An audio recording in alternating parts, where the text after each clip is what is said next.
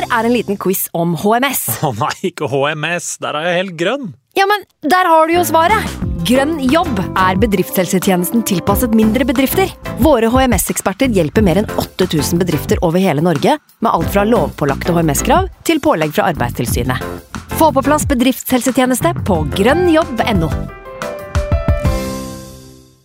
Hallo? Jeg kommer fra Oslo politikammer. Ine Jansen er purk. Er du purk? The motherfucking bitch. Alt jeg vil, er å finne ut hva som skjedde med mannen min. Jon Carew. Er jeg sikta for noe? Iben Akeli. Det er du. Ole So, Lars Berrum og Big Daddy Karsten. Hvem sin side er du på, egentlig? Anette Hoff, Tone Danielsen, Kommer du fra Afrika? Jørnis Josef, Nesten. Kløfta. Trond Espen Seim, Det er synd å si det, men det var feil mann som døde. Purk. Premiere tirsdag på TV2 Play.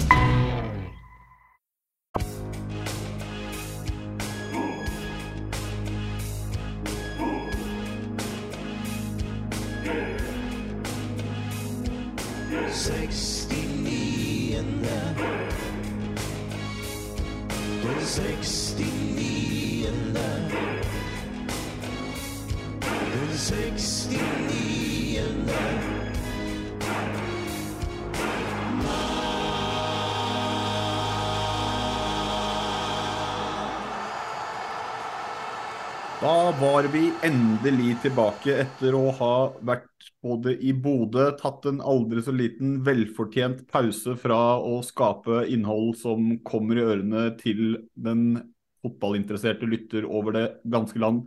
Og vi har fått masse å prate om siden sist vi eh, var samla, og vi la store planer om å være innom mest mulig, og vi skulle gå i gang med en gjest som ikke dukka opp, så vi har hivet oss rundt og skaffa en enda bedre gjest.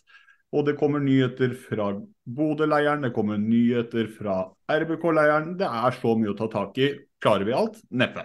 Skal vi prøve? Ja. Så da er det rett og slett bare å sette i gang. Og i dag så har vi egentlig fulltalla hovedpanel. Men uh, han ene han er litt på, på vent og blir med her og der. Jonas, er du med akkurat nå? Ja, jeg er nå ikke jeg, da. Jo, du er det. Ja. Dessverre. Eh, men eh, du flyr litt inn og ut fordi du har lova å ikke være for engasjert i pod i dag? Eh, ja, det har vært litt mye, mye i siste. Og så skal kjerringa på um, Hun skal på um, tur til Barcelona i morgen og bli en del dager, så hun sa vel det at uh, eh, hvis jeg ville ha litt kos i kveld, så måtte hun få litt oppmerksomhet. Så da Gikk du ned i kjelleren og lagde pod? Ja. Nei, ja, men uh, siden sist så har jo du faktisk gjort en del. Det har jo ja, det har ikke jeg koll på mange dager, men det har jo blitt noen dager siden vi lagde en episode sammen. Alle sammen. Ja. Husker du ikke sist det var? Nei, men det drit i det. Hva har du gjort siden sist, da? Eh, jo da, eh, det har nå blitt noen fotballkamper, da. Røyk ut i cupen med Fram mot Halsen. Så det ble litt styr. Um, det har gått i vannet, da. Fotball, jobb og, og familie. Og så um, har vi vært på jobbtur i Krakow med følge. Så det har jo vært uh, veldig ålreit. Så jeg fikk jo ikke med meg en dritt av eliteserierunden, bortsett fra at jeg hadde prøvd å se Rosenborg Brann på telefon, eh, dessverre. Eh, så ja. Det har det ikke vært uka mi. Du har ikke sett en dritt, men kommer til å mene noe om alt. Det, ja, ja. ja, ja. Men Frank, du har sett i hvert fall, om ikke dritt, så har du sett noe? Jeg har sett et lag som er veldig langt fra dritt. Jeg var på Aspmyr og så Glimt knus Viking. Sånn bortsett fra det, så har jeg egentlig veldig lite å melde om fra, fra mitt personlige liv siden sist vi spilte inn. Det har gått i hverdagen som har henta meg inn med mye jobb og slit og egentlig ekstremt lite interessant å melde. Så mm. Jonas drar på tur, mens andre må jobbe ræva av seg. Det er litt sånn der. Jeg bare tar sender ordet til meg selv. Jeg sier at det er litt sånn som dere. Jeg syns det egentlig var litt godt med en, en liten pause. For det, det, var mye for oss en periode der, med både episoder og live, og det var litt overalt og uh, høy puls på, på, det meste. Så det var litt godt å få en liten break og bare uh, gjøre andre ting, uh, for en gangs skyld. Også, men, også, vi prøvde vel egentlig også å se om vi fikk spille inn sist uke, men så var det jo egentlig det her med hverdagen for alle sammen, og ingenting klaffa med hverandre. Så litt sånn som ting skjedde, men samtidig var det godt at det skjedde ei uke det ikke var eliteseriefotball. Ja, det var altså- nå ikke helt riktig, det, da. Eh, jeg sa at dere eh, gutta, jeg skal ut og reise, men dere klarer dere, ikke sant? Ja ja. Men det klaffa ikke for meg og Frank, da. Og det, det hadde jo ikke klaffa hvis du hadde vært med av den grunn. Så Mhm. egentlig er det din skyld som dro fra hele greia. Men uansett, da, det var jo litt deilig med en litt pause og kjenne at det, eh, det er gøy å drive med det og så få pusta litt. For det ble veldig intenst eh, med alt vi hadde å gjøre og helligdager som skal feires med unger og sånt for vår del, eh, Jonas. Og vært turer og, og show og sånne ting. Så det for min del eh, helt strålende. Jeg eh, gikk rett og slett bare inn i den der studentbobla mi og fokuserte på dagtid på masteroppgaven, som skal inn om ganske nøyaktig fire uker. Eh, og så er det pappa på morgen og kveld. Og det har egentlig bare vært deilig å kunne gjøre stort sett bare det. Og jakte litt leilighet og, og sånne ting. Men nå er eh, ja, Kall det ferien eh, over, og vi er i gang igjen. Det blir også gøy. Og selv om vi har tatt en liten pause, så har vi jo prøvd å følge med så godt som vi kan. Så det, det skal bli gøy å prate litt om norsk eliteserie igjen. Men ja, ingen av dere som har noe mer dere har lyst til å prate om der? Så interessante liv har dere ikke? Nei. Nei. Så da er det rett og slett sånn at vi bare må få inn eh, ja, Kall det tidenes supersub, da. Fordi vi eh, hadde rett og slett uh, landa en avtale med Bernt Nikolai Hulsker om å være gjest i denne episoden. Men eh, livet skjer, og noen ganger så slår det, det bare klaffer det ikke til. Eh, Den beskjeden fikk vi ganske tett på. Hva gjør du da? Jo, du ringer selvfølgelig rundt til absolutt alle som har vært med på den tidligere og ser om du får noen opp. Men uh, det kunne gått så utrolig mye dårligere. Fordi hvem andre enn Jonas Grønner sa yes, det har jeg tid til på en tilfeldig Er det onsdag? Ja. Uh, Så hjertelig velkommen tilbake til oss, Jonas. Utrolig takknemlig for at du klarte å eh, skvise oss inn på, på kveldinga her. Så jeg var, jeg var ikke andrevalget heller. Altså da Dere hadde ringt til mange flere før dere ringte til meg i tillegg. Vi ringte alle. Eh, Samtidig alle var første og siste valg. Det, Ikke, ikke, ikke alle. Vi ringte 16. Vi droppa, vi droppa Rekdal, da. Han var litt opptatt. Ja, og det skjønner jeg. Men akkurat at jeg kan komme inn som en supersob og være litt på benken av og til, det er jeg godt vant med. Så kom inn her fra, fra benken, så får vi se om jeg er i form eller ikke. Av og til så råtner jeg vekk på benken, og av og til så går jeg inn og leverer en strålende kamp. Så vi får se hvordan dette her blir. Jeg tror det kommer til å gå helt strålende. Eh, Det er um, litt sånn som når jeg kom etter vært uh, på sommerferie og kom tilbake i første gymtime. Jeg var alltid veldig god den første økta. Det var mye overskudd, så det, det her blir bra. Men uh, det har skjedd litt før vi går på, på rundesmart og sånn.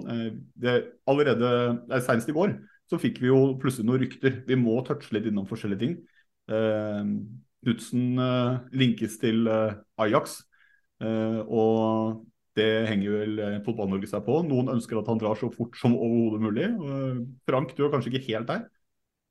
Nei, jeg vil jo at han Knutsen skal eh, lenkes fast til Aspmyra for min egen del. Jeg vil jo aldri gi slipp på den mannen der, han er jo helt fantastisk. Men eh, jeg syns jo det er jævlig kult eh, og et prov på den vanvittige jobben han Kjetil har gjort her i Bodø, at en klubb som Ajax, som i mine øyne er en av de største utviklingsklubbene i verden, ønsker seg en Kjetil Knutsen som trener. Og så tror ikke jeg at han Kjetil Knutsen er øverst på lista deres. Jeg tror de har en fire-fem navn de vurderer. Men det er jævlig kult at Ajax kommer med to speidere til Intility på søndag for å se Bodø-Glimt spille, fordi at de skal se på treneren til Glimt.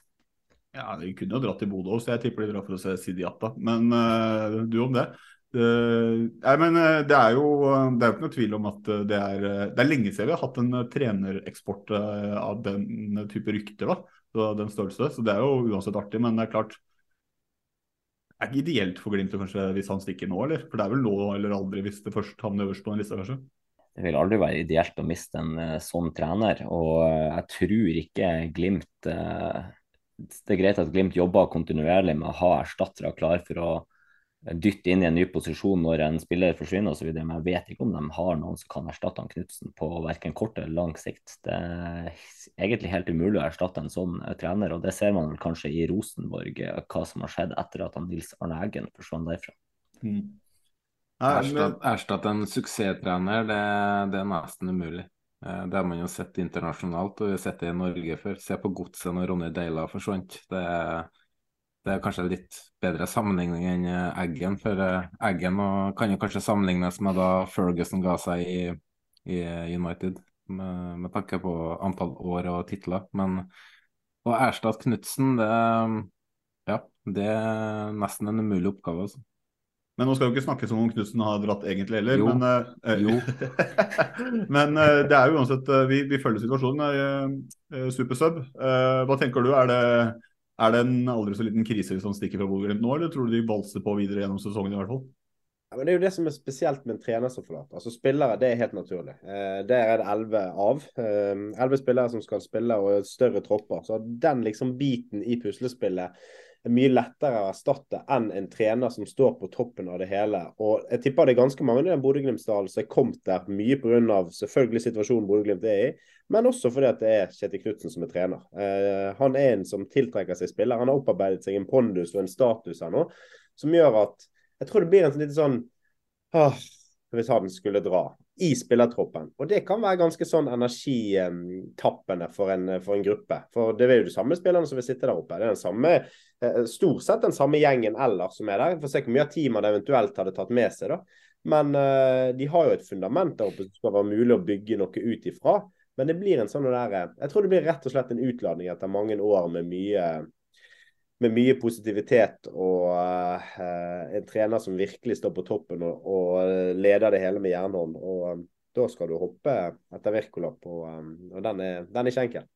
Det er jo et ideelt tidspunkt hvis man skulle stikke tenke på at uh, Lars Arne Nilsen er ledig, så at han kan ta over den Glimt-skuta.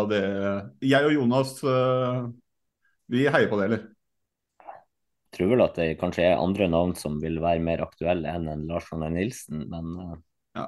vi får Nei, se. jeg, jeg prøvde bare å være morsom. Men det er andre som er snakk om å Hvis han, hvis han Lan kommer hit, så får vi i hvert fall ikke han Grøner. Men det som skjer, er at da blir plutselig uh, Lan uh, årets trener. Det er det Bodø-Glimt har vist det siste, at de kan gjøre gull av uh, hva som helst. Så det hadde jo ikke forundra meg. Men det er jo også noe med det der at hvis Knutsen drar, er vi sikre på at ikke han leder preseason før 2024 i Bodø-Glimt? Altså, det, det er denne svingdøra. Gjelder den treneren òg? Så vi får se. Men apropos andre som drar. Eh, Det, kan, det snakkes jo om eh, å få noen til å prøve å dra, men det er i Trondheim, og det er litt andre forutsetninger. Der har det jo vært et styremøte da i kveld, og Jonas, der var det hva du sa. Der har det ikke skjedd. Det har ikke skjedd så mye der. Jeg har fått hva skal jeg si, ikke fornya tillit. For eh, slik jeg tolker styret, så har jo de hatt tillit hele tida. Uh, de har hatt en eh, Rekdal og Frigård inn til styremøte, hvor, hvor de har eh, egentlig lagt fram hva de har gjort på feltet. Hva, og så har de jo blitt eh, beskyldt for å ikke ha en plan eh, i angrepsspillet, så de har lagt fram den angrepsplanen. og Um, styret synes den planen er god og står i det, da, og maner til tålmodighet. Um, det var vel ikke så mange som forventa at han skulle få sparken i dag, det var vel mer et håp for mange. Mm. Uh, for det er jo ganske delt ennå, men jeg tror flertallet i, i Rosenborg eh, blant supporterne vil ha han ut, da. Men eh, fortsatt så har han en del eh, støttespillere. Um, Men det er kanskje ikke så overraskende at han ikke røyk i dag, i og med at dette var et ja, relativt planlagt møte, eller? Nei, det er ikke overraskende i hele tatt. Jeg forventa ikke at han skulle ryke. Uh, hvis man skal snakke om god timing på en eventuell trenersparking, så må det jo være før landslagspausen, tenker jeg, da. Uh, seg med en trener dagen før en uh, viktig cupkamp, Et et par dager før uh, ny eliteserierunde. Det er jo en ny trener, midlertidig trener, har jo ikke muligheten til å sette sitt preg på det uansett, annet enn å gi eh, litt eh, boost. Så um, eh, om det har vært riktig å sparke ham i dag, det er jeg ikke så sikker på. at eh, Nå får han, eh, nå får eh, cupkampen og kampen mot eh, HamKam. Uten uh, gode resultater der, så kan ikke styret stå i det lenger, tenker jeg da. Men vi eh, skal litt tilbake til eh, både Glimt og Rosenborg og andre i, når vi skal gjennom runden. Så, men det er litt press i Trondheim nå som, som i hvert fall bygger seg opp. Men hva, når du jeg, Hva skal jeg si, Jonas og Jonas.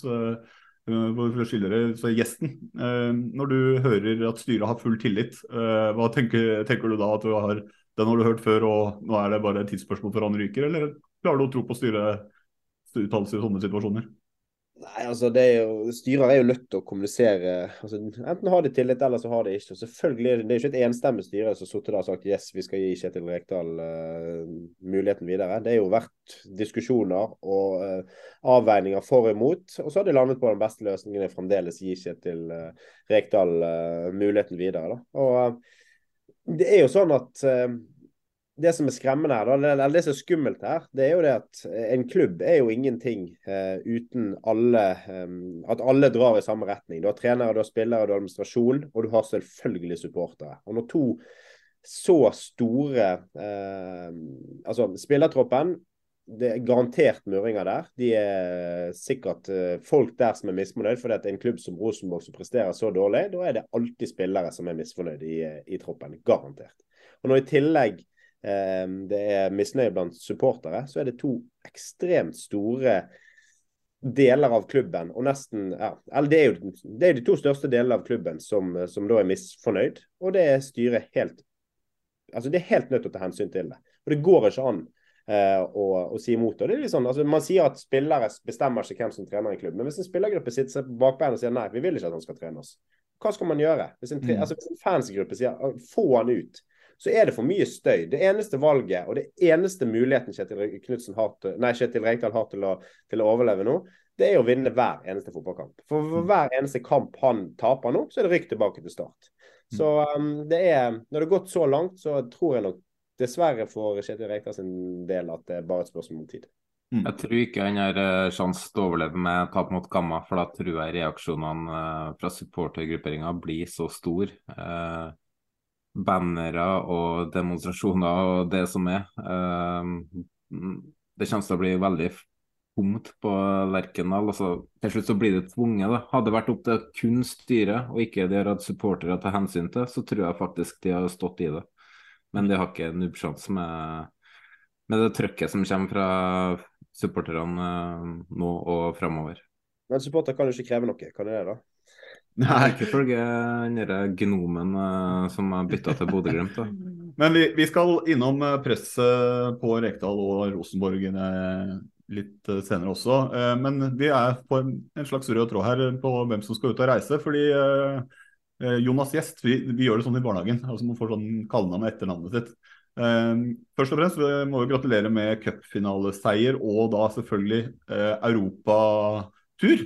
Eh, det er andre som skal ut og reise, men av litt lystigere grunner, da.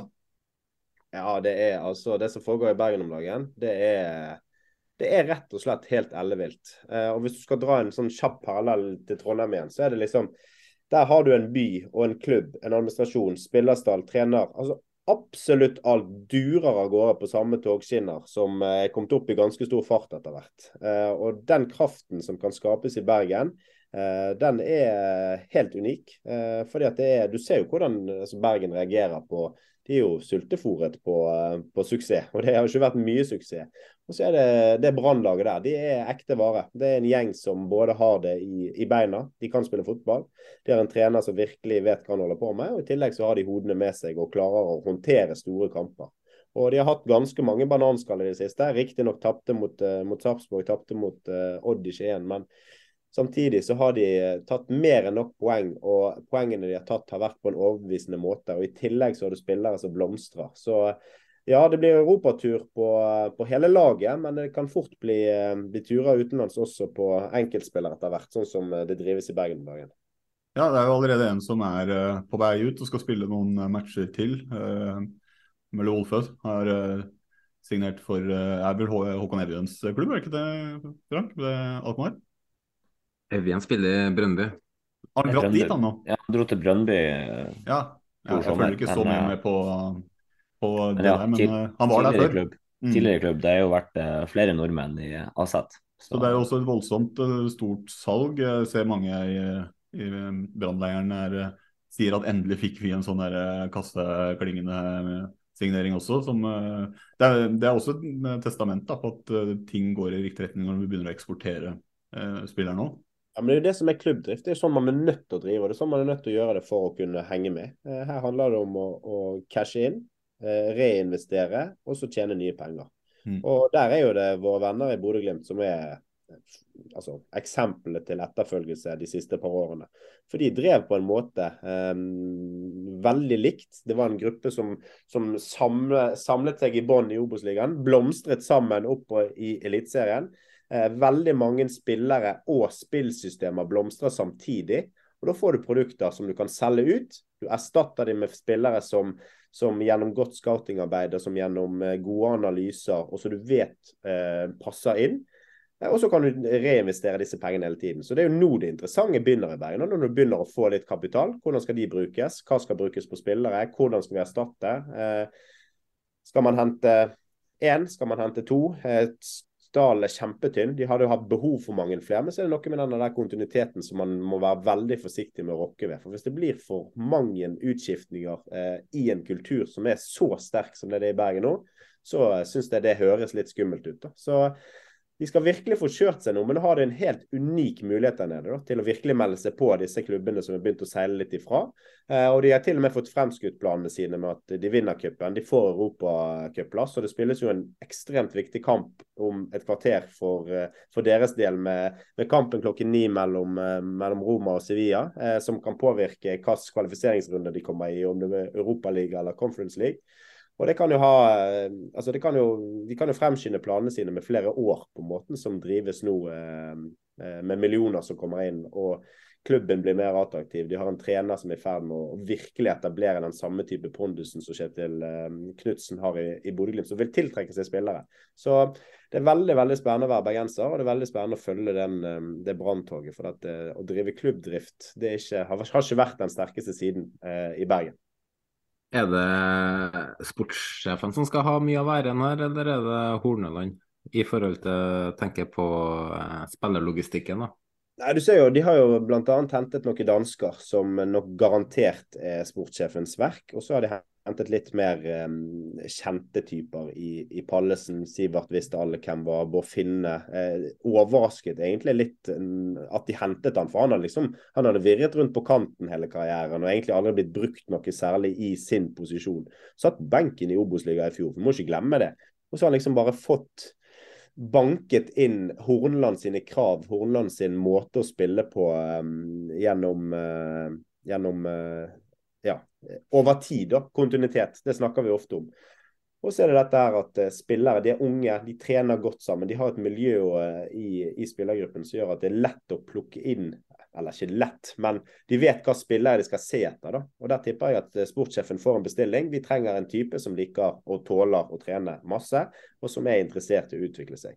Og da får man typer som Felix Horn Myhre, som plutselig er blitt en av Eliteseriens beste spillere. Altså, hvis du ser han spille fotball om dagen, han er altså så latterlig god. Og så tjener du 30 millioner på en venstreback, og så har du en Borfinne som plutselig skårer ni på ni og ser ut som en milliard kroner. Så det er liksom det er veldig sammensatt, og Hornland er garantert vært med. Men at han, eh, han har en litt sånn interessant rolle, han eh, Jimmy Nagel Jacobsen, i sportssjefen til Brann. Han, han, er veldig sånn, han lusker rundt i kulissene og stikker ikke hodet frem. og Veldig sånn ubergensk. Der er det jo meg, meg, meg. Vi skriker høyest, og alle se på meg. Se hvordan, eh, hvor flink jeg er. Se hva spiller jeg har hentet.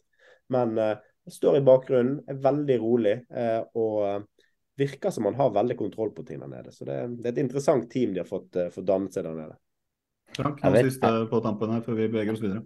Jeg vet jo hvordan det drives i Bodø, og sånn som jeg ser på eh, Brann og hvordan ting skjer i Bergen nå, så ser det egentlig ut som en blåkopi av hvordan vi har gjort det her i en god del år. Eh, og det gjelder alle eh, måter å drifte klubb og trener, alt mulig egentlig. Det ser ut som en god kopi som bare kommer til å vokse og vokse og vokse. Så jeg tror ikke det er én person som sitter og tar avgjørelser, verken med det ene eller det andre. Jeg tror det er et samarbeid, et lagspill som også foregår utafor banen, som gjør at Brann er blitt så god som de er blitt, og som kommer til å sørge for at Brann bare blir bedre og bedre og bedre. Uansett så gratulerer vi med Brann og alle som er glad i Brann med en velfortjent cupfinaleseier og europatur. Vi må også benytte anledningen til å le litt av Tifon til Lillestrøm. Eh, Jonas, hva var, det, hva var det du leste? Lestrøm. Lestrøm, ja, når den tifon kollapset. Det er bare tenkte å slenge det inn der. Henger oss ikke opp i det og beveger oss videre. Men det skjedde også noe på den uh, cupfinalen som ble diskutert over uh, hele Norge. Eller i hele Norge og hele Bergen.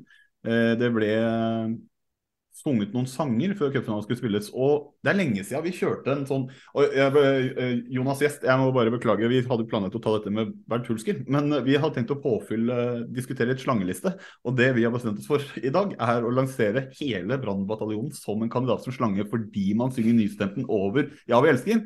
Og det er jo helt perfekt at du kan få snakke deres sak, og så se hvor det havner på lista. Ja, da skal jeg bare ta da er jeg en gedigen kobraslange. For fytti i katte at det er mulig å reagere. Altså En fotballarena, her handler det om eh, veldig mye humor. Det handler om denne der eh, Det skal være stor mulighet for å, for å kødde med ting og ha det gøy. Og bergenser er ironisk. altså vi, Det der Bergen ut av Norge og hele det opplegget der, det er jo, det er jo blitt en greie. Er det kødd? Hvis du spør, Det kommer an på hvem du spør.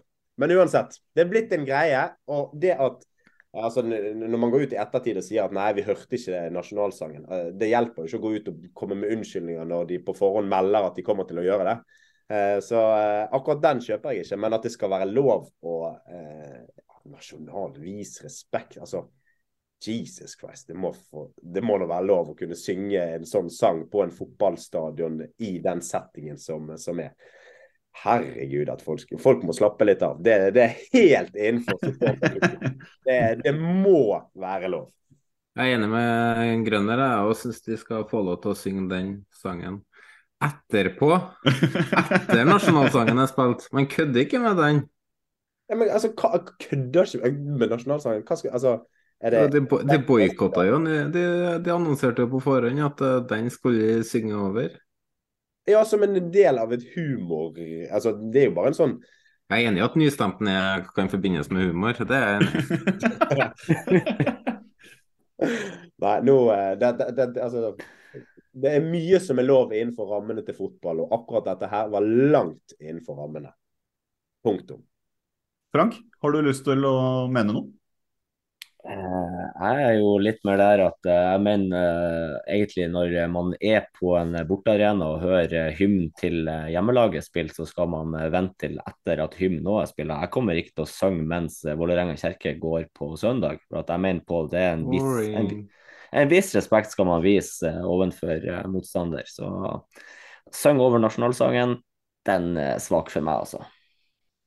Så jeg vet ikke om vi skal ta det seriøst ut om å putte hele brannbataljonen inn på slangelista. Altså, det skal jo sies, da. Det, det, det, det er faktisk OK poeng, Frank. For jeg er litt enig. altså, Jeg setter faktisk eh, klubbhymner Når jeg, har reist rundt på alle stadioner og sett altså Det er jo vanvittig mange fine sanger rundt omkring. Og jeg kan sitte og nyte veldig mange av de sangene som bortespiller, eh, på benken selvfølgelig, der jeg satt. Eh, så kan jeg sitte der og, og nyte en sang. Og den ville nesten eh, respektere mer enn nasjonalsangen. fordi at altså Her, er, her er, var Brannbataljonen der for å representere Bergen og Brann. Og de gjør et lite sånn stunt sånn som det der. Og, og når vi skal snakke om respekt og sånn, ja, greit nok. Men jeg er litt enig. Jeg syns det er en fin ting at man kan vise litt respekt for de, eh, de sangene som går før kamper. For det, det, er ofte en veldig fin greie, og veldig mange av sangene er veldig fine. Så det å stå og, og rope og gaule og skrike da, jeg er litt enig. Der, der kan kanskje supportere vise litt respekt for hverandre sine, sine tradisjoner før kamp. Men nasjonalsangen, der, eh, der sovner jeg i hvert fall. ja, men eh, så, så, hvis vi skulle lagd eh, en sånn hypotetisk inn på lista her, da så Hva mener du, Snorre? Hva, Hva jeg mener? Eh, altså Det blir jo litt sånn tre mot én i kanskje grunnleggende perspektiv. Det er kanskje ikke så rart, men eh, i utgangspunktet så reagerte ikke jeg veldig voldsomt på det. Men eh, det jeg kanskje reagerte mest på, er jo når man prøver å uh, komme opp med altså, unnskyldningene i etterkant. Det syns jeg ble litt Ja, det er enig Det er helt enig. så hvert fall for jeg hadde også fått med meg det at hvert fall noen, om ikke alle, som hadde annonsert at det var et slags stunt og litt sånn. Men jeg skjønner, jeg skjønner, begge sider av den saken der, og jeg hadde foretrukket hvis man sang nasjonalsangen og sang nystemten enten før eller etter. Det er mitt uh, syn på det. Men jeg, jeg sov godt den natta òg, selv om nasjonalsangen ble uh, sunget ut av uh, Ullevål. Jeg gjorde det. Jeg la ikke så mye i det heller, også, men jeg, jeg la jo ut noen meldinger på Twitter for å se om folk beit på. Jo da, det gjorde det. Veldig. Nei, si, si, hva du vil. Det, det, ble i hvert fall god diskusjon, og det ble jo Bergen mot eh, Norge der, eh, ironisk nok, etterkant. Så det, det var jo Bergen ut av Norge. Men bare på tull. Men da synger alle med, da. Det er hele stadion med å synge. Så, men uh, på en uh, hypotetisk plassering på slangelista, så er det klink nederst da, for, for din del, uh, Jonas? Ja, ja. ja jeg, jeg, må, jeg, er slangen her. Ja, og, og, Jonas, panelmedlem? Altså, det, det Over Mathias skal... Nordmann, liksom? Hele eh, Nei, det skal, det skal under Martin Andresen, ja. ja. Og Frank? Jeg mener i hvert fall under Runar Espejord, som er på fjerdeplass. Mm. Jeg tenker jo et sted mellom uh, Laioni og Nei, nei, jeg gjør ikke det. Uh, jeg, jeg, som sagt, det ble en litt useriøst. Men, men, men, skal vi sette et navn i stedet for å sette bataljon? Skal vi bare sette uh, Sean Røskeland på lista? Ja. Uh, Sjuendeplass. ja, sånn som representant for, eh, for det stuntet. Men uh, ta, det med, ta, det med, en klype salt og en god porsjon humor og kjærlighet. Men Jonas, nå skal du få et oppdrag av meg. Fordi hvis du også får ødelagt alle dine ting i heimen fordi nystemten knuser det som er av glass og asjetter, hvem ringer du da for å sjekke forsikring? Oi, nei, da, da må jeg jo ringe eh, ringe mitt forsikringsselskap, da. Nå er du god, Snorre. Eh, da ringer jeg Water Circles. Har du nummeret òg, eller? Nei. For det har jeg glemt. Nei. Det, er, det, det, må vi få hooka fram. Men uh, ja, jeg ringer Water Circles, ja, for um, det er der jeg har alle forsikringene mine. Så, ja. um, Og det jeg lurer på, hvor mye penger har du spart på dette? Oi, når jeg tegna forsikringa i mars, Nei, da har jeg spart 3000. Så uh, det er jo hjelpa å bytte forsikring. Så, du, du, eh, brukte de 3000 i Polen nettopp på eh, sånn uh, kvinneutstillingsbutikk? Nei, jeg hadde med Hanna, hun var veldig gavmild på turen, så OK. Uh, vi, det, vi, er altså forsikre uh, Det er altså vår sponsor, da. Det er reklame. Nei, men vår faste uh, bidragsyter med forsikringer til eh, Gud og hvermann er selvfølgelig Jonas. Du fikser nummeret, deler på Twitteren, du. Og hvis du vil ha like gode forsikringer som eh, Jonas og kunne bruke pengene i Polen som du sparer, så ringer du Watchcircles, og så oppgir de eh, hodeordet 69 for eh, gode rabatter. Er det ikke sånn det stemmer, Jonas? Ja, det stemmer. Så beklager jeg at jeg spilte deg i døden med en uforberedt reklamepause.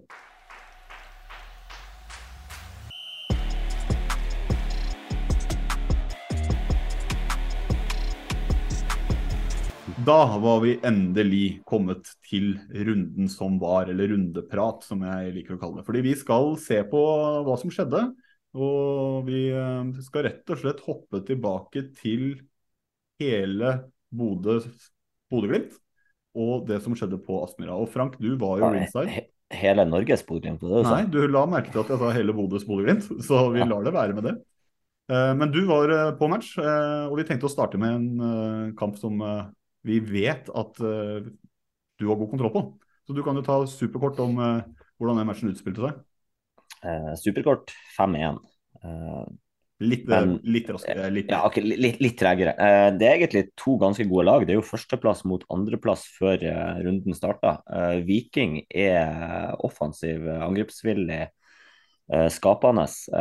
artig å se et lag som kommer til Aspmyra som, Aspmyra som tør å ha et spill, da. Det er ikke alle som har tort det når de er kommet dit. Så det, det skaper i hvert fall stor underholdning for oss på tribuner. Og så etter hvert så blir det jo litt eh, klasseforskjell på lagene, da. Eh, det blir jo småstygt, blir det ikke det? Sånn sammenligna med hva det kanskje så ut som i 83-84. Da var det fortsatt 2-1 og Det skal sies at uh, førsteomgangen så er det ett lag på banen. Glimt leda 2-0 til pause, og det skulle vært 3 og 4 og kanskje 5-0 til pause. Det er ett lag på banen i første omgang. Viking har mer enn nok med å bare forsvare seg. Uh, og så uh, andre omgang blir veldig oppstykka med Bjørkan blir skada, Gunnarsson i mål blir skada for Viking. og altså, det blir lagt til en 11-12 minutter tilleggstid i denne kampen pga. mye skader det første kvarteret, 20 minuttene av andre omgang. og Det er stykka opp spillet. Det, det er Viking sin fordel at tempoet dras ned i kampen. Mm. Uh, og Viking kommer tilbake og skårer 2-1, men det er egentlig Du sitter liksom alltid og på en måte føler at selv om at Viking er et godt lag som skaper sjanser, så har Glimt kontroll der. og det blir 5-1, men jeg hadde ikke sagt noe hvis det ble 9-4, liksom. For det er to lag som har lyst til å spille fotball og skape ting. Det, de er bedre fremover enn bakover. Det har jo blitt mye mål de siste gangene de har møttes. Du skrev en liten tweet om uh, utviklinga der og hva neste resultat det ble. Første uh, kampen var 5-4 for uh, litt år siden. Ja, I fjor høst, eh, når vi møttes i serien, så ble det 5-4 til Glimt etter at Viking leda 3-1 og 4-2. Og nå i cupen i vår så ble det 5-3, og nå ble det 5-1, da. Så jeg kødda vel med det at neste kamp Viking kommer hit, så eh, skåra de minusmål. ja, så det blir 5 minus 1. Ja. ja. Så, men eh, nei, det var Jeg fikk jo med meg litt fra den matchen, jeg også. Det var noen sinnssyke skåringer vi fikk servert også. Noen av dem i hvert fall. Bergsen er jo helt hinsides. Eh, noe av det Mvuka gjør på det første målet, syns jeg også er eh, strålende. Så det er jo fine mål. Uh, og så er det jo litt artig at Salvesen putter det, det ene målet. Hele det, altså Salvesen er jo en klassespiller. At Glimt uh, slipper han til Viking det, altså Jeg har sagt det i hele preseason alt òg, at jeg, jeg, skjønner det ikke. fordi at han Salvesen uh, Rettvendt så ville han vært den beste spissen til Glimt. Og så har han Espejord og han Faris Pemi og Lasse Nordås gjør andre kvaliteter, men ja, mm. nei, eh, det er, jeg er glad på Salvesen sine vegne at han får lov til å spille fotball. Men det er lett å si det når man vinner 5-1? Jo, jeg vil jo altså, jeg sier det uansett, for Salvesen har visst, eh, visst i Viking hvor bra han er. og Nei, altså Nå er han jo kommet eh, Han ble jo henta som spiss nummer to der etter at han Diagostina òg kom inn, for de ikke trodde de skulle få han Salvesen. Så det er jo klart det er tøff konkurranse samtidig. Nei, altså det, det er Jeg kan stå inne for at jeg mener at seriegullet egentlig i praksis er delt ut. Jeg tror ikke Bodø-Glimt kommer til å ryke på en smell, og det bekrefter det nesten gang på gang hvor bra det laget er. Så jeg, jeg er mektig imponert. Men eh, det var som du sier, Viking lå på medalje før den kampen, Eh, og så har det endra seg litt. Det har plutselig Sarp sneket seg inn på en plutselig tredjeplass. så Vi tenkte å bevege oss videre, med mindre du hadde noe mer på den kampen der ja, Jonas er dratt. Ja, men da burde jeg kanskje, i og med at Jonas hadde dratt, så kan jeg si, tenkte jeg kunne si Jonas til den Jonas som ble igjen. Ja, men eh, jeg, jeg, kan bare gå for grønner, jeg. Så blir det ikke noe misforståelse videre derfra. Men med mindre du har noe å si på den kampen, så beveger vi oss videre til det lag som eventuelt har sneket seg inn på tredjeplass litt sånn under radaren. Ja, altså det er Serpelåner som, eh, som, driver på der nede. Så eh, det er kult. Det er kult det laget de har fått til. Eh, de prøvde mye i fjor. Eh, og, og sto veldig i spillestilen sin i fjor. og Det ble litt sånn komisk til tider, for eh, de gjorde mye feil. De prøvde mye, men de har fått et år. De har stått i det. Billborn har fått fortsette å drive med, med sin, sine ting, og, og, så henter de godt. De har et større budsjett enn, og større lønnsbudsjett enn det man kanskje tenker. Eh, for de har um, mye kvalitet i, i, laget sitt. Og så er det um, så er det noe sånn at eh, de, altså de, tar steg for steg, og så har de stått i spillestilen sin. Så overrasket, nei. Og de var gode mot, uh, mot Brann også, så jeg er ikke overrasket over at de, de sniker seg med. Og så um, Ja, de har, tatt, de har, tatt, store steg gjennom, uh, gjennom vinteren. Mm. De, har de har vel Brann og Lillestrøm på skalpen de to kampene før den her mot Ålesund òg, så det det er gode lag de har slått. Eh, nå er jo kanskje ikke Ålesund den eh, største målestokken. Etter en opptur mot Molde sist, så ryker de altså på 3-1 borte mot eh, Sarpsborg. Eh, Atanga da, med ny kasse, kan det være liksom et halmstrå oppi at de trenger poeng. At vi må ha spurt lenge hvem skal skåre hvordan. Nå har det blitt tre mål på to matcher for han. Men hva tenker du om din gamle, gamle, arbeidsgiver? Er det over og ut, eller har de fortsatt? Jeg, jeg, jeg, jeg synes jo altså, Det som har endret seg siden Lars Arne, og på slutten så var jo han litt sånn ja, hva skal vi si, Han vaklet jo veldig, og, og spillere spilte de kunne starte én kamp, og så kunne de være ubenyttet reserve neste, og så kunne de omtrent være ute av troppen tredje, og så var de inne igjen og startet en fjerde. Så det var liksom det var null kontinuitet i laguttaket, og et veldig sånn der, de, de leitet veldig etter et lag. da. Eh, og Det er jo det første Marius Bø har gjort som hovedtrener. der. Han har virkelig bare valgt ut dette her er gjengen min, disse her skal spille. De har en tropp som er ganske jevn, men han har valgt ut sine elleve og, og satser på kontinuitet. Og Med Lunding, Moses og Atanga der, så er jo det en trio som har masse kvaliteter. og at de får nå de får spille kamp på kamp. Eh, de vet at de spiller neste kamp, uansett hvordan, hvordan det går. At de får lov å, å holde på sammen. Så er jo, altså det er jo klart at Atanga gull verdt for han at han får, får spille og får skåre mål, ikke minst. For at de har potensial til å kunne låse igjen og mure igjen bakover. Og så har, trenger de litt krydder eh, offensivt. Men eh, det er ikke i Sarpsborg først og fremst de skal hente poeng, for det er en av de tøffeste bortekampene. Mm. Og så er det et par andre dårlige lag også som gjør at eh, jeg tror ikke Eller jeg tror vi kommer til å De kommer ikke tilbake til å seile akterut. Eh, de kommer til å henge med i den, eh, i den bunnstriden. Det er jeg ganske trygg på. Så eh, tror jeg også de kommer til å vippe seg på, eh, på oversiden av kvalifiseringsstreken til, eh, til slutt. Akkurat, akkurat det som er viktig å påpeke, er jo det at det er jo én seier til. Altså én seier nå, så er de jo faktisk over streken, for det er jo såpass jevnt enda. De, de har jo absolutt ikke falt av, spesielt de tre poengene de tar mot Molde. De er kjempeviktige for at det faktisk skal bygges tru i denne klubben. Så det, det er langt ifra avgjort, og det kommer til å bli en sesong der jeg tror det er mange lag som skal få lov til å kjenne på nervene på utsida av kroppen helt inn. Nei, for det, Du skal ikke så mange runder tilbake på hvor det egentlig så helt håpløst ut når du står med null poeng og, og null skåra mål, og så fikk du ett poeng og fortsatt null skåra mål. og så De over deg, de, de konkurrerer med, de har plukka poeng. Da ser det plutselig veldig mye styggere ut enn det egentlig er når du plutselig får en trepoenger. For nå er, jo, er man jo plutselig i, kontakt da, med de klubbene som ligger rundt der. og vi, kommer inn, vi skal innom litt andre lag også, men det er jo det er variasjoner i prestasjonene på, på de lagene som ligger rundt der òg, som taler for at det, det er på ingen måte avgjort. Da. Men eh, de har jo en jobb å gjøre. Og, og Hvis vi går tilbake til Sarp, da, fordi eh, det var jo litt eh, at de har sneket seg inn på tredjeplass. De har jo imponert, og så har de liksom gått litt under radaren, kommet opp og ligger der de eh, ligger nå. Men kan det holde, da? Kan vi, kan vi spå en medaljekamp hele veien inn for eh, ja, Sarp 08? Eller Ja, Sandefjord altså, 08, som jeg pleier å si.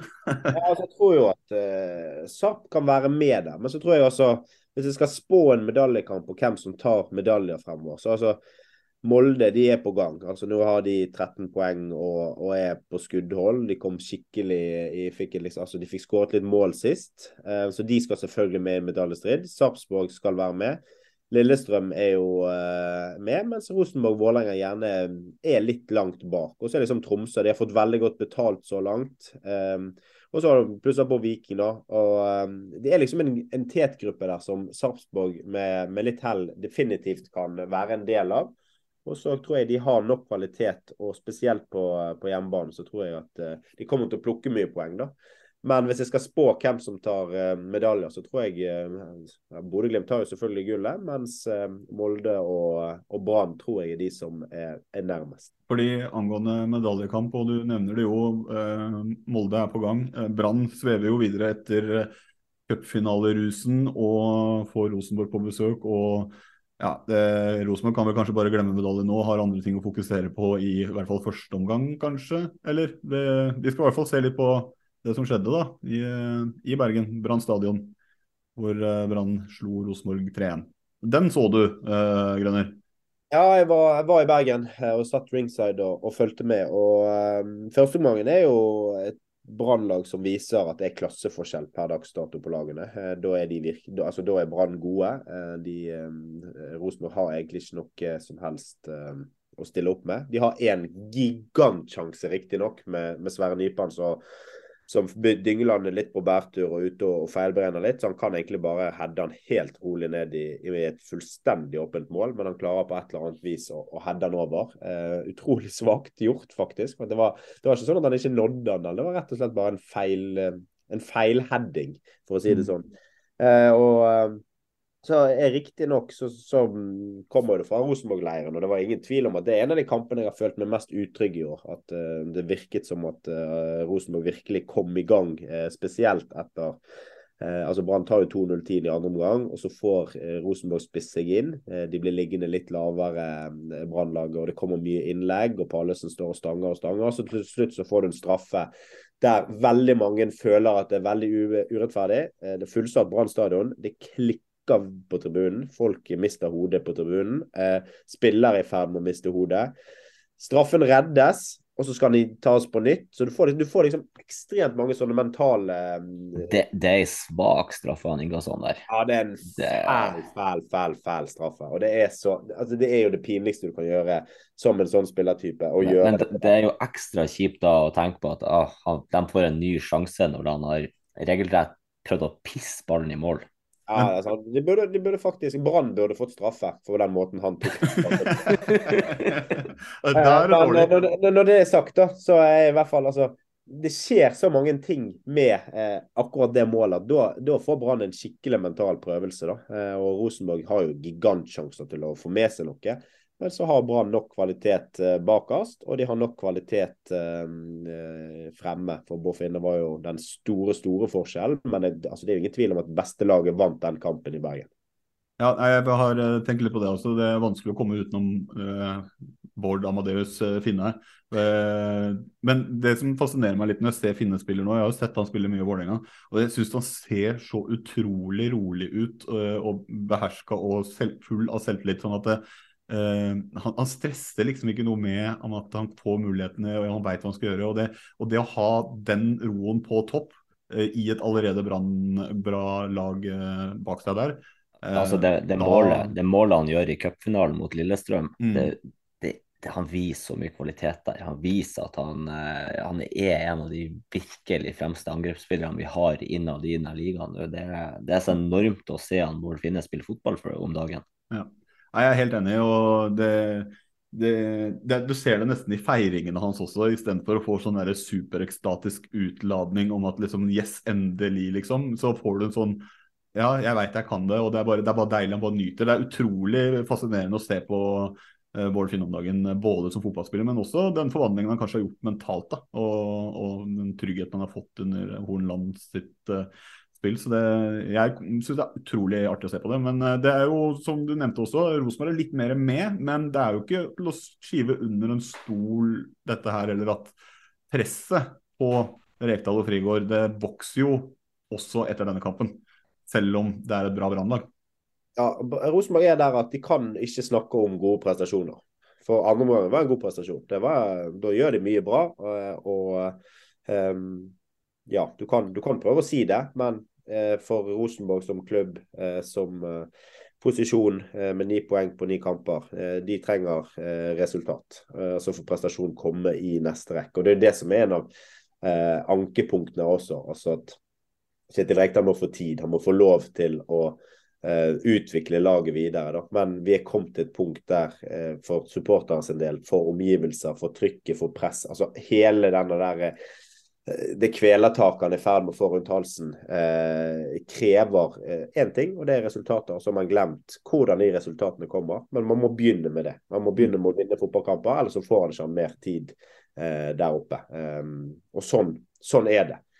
Så ja, en OK prestasjon for all del, men det holder ikke. De er, nødt til å, nødt til å vinne. Det var litt sånn med Fagermo i fjor, eh, syns jeg. At når han var inne i den dårlige perioden med Vålerenga, så, så vokste presset voldsomt. Og folk begynte å rope Fagermo ut osv.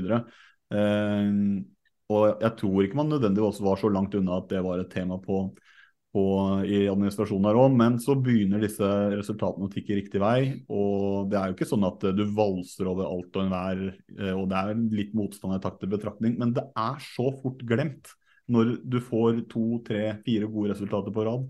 Eh, og så eh, begynner også prestasjonene å veie fordel. Så han redda jo nok på mange måter eh, jobben, vil jeg kanskje påstå, med nettopp å bare få, den der, få de resultatene, og så kunne man liksom begynne å snakke om prestasjoner. Men eh, Vålerenga ligger jo på ett poeng over Rosenborg så langt i år, men jeg syns det ser ut som at Vålerenga er et vanvittig mye bedre lag enn Rosenborg akkurat nå. og Da, da er vi tilbake på det prestasjonsfokuset. Jeg syns Vålerenga spiller en fotball som er mye bedre enn Rosenborg, men igjen, de har bare ikke kynisme nok til å hente inn de resultatene de trenger for å, for å klatre på tabellen. Ja, det er mye å ta tak i Vålerenga. Det var mer en sånn sammenligning med, med, dette med resultater og hva det gjør med supportere og presset utenfra. At det stilner veldig raskt da, når først trepoengerne begynner å sitte. Men det er jo, det er jo Kall det i hvert fall krisestemning i, i og rundt Rosenborg. Kjernen med tydelig beskjed. Det har vært bannere. Uh, og folk, Det er meninger i alle retninger, og det, er, det, skrikes både om resultater, men også om prestasjoner. Uh, kan Rekdal og Frigård snu det her? Er det, er det mulig? Vi var litt inne på det i starten, eller det, har det låst seg godt så langt nå at uh, ja, kanskje det er like greit å skille lag? Nei, det som vi var litt, eller jeg var litt inne på i sted, altså, jeg tror de kreftene som er satt i sving der oppe um, Det kan snus, Uh, men da må du vinne fotballkampen. Så enkelt er det.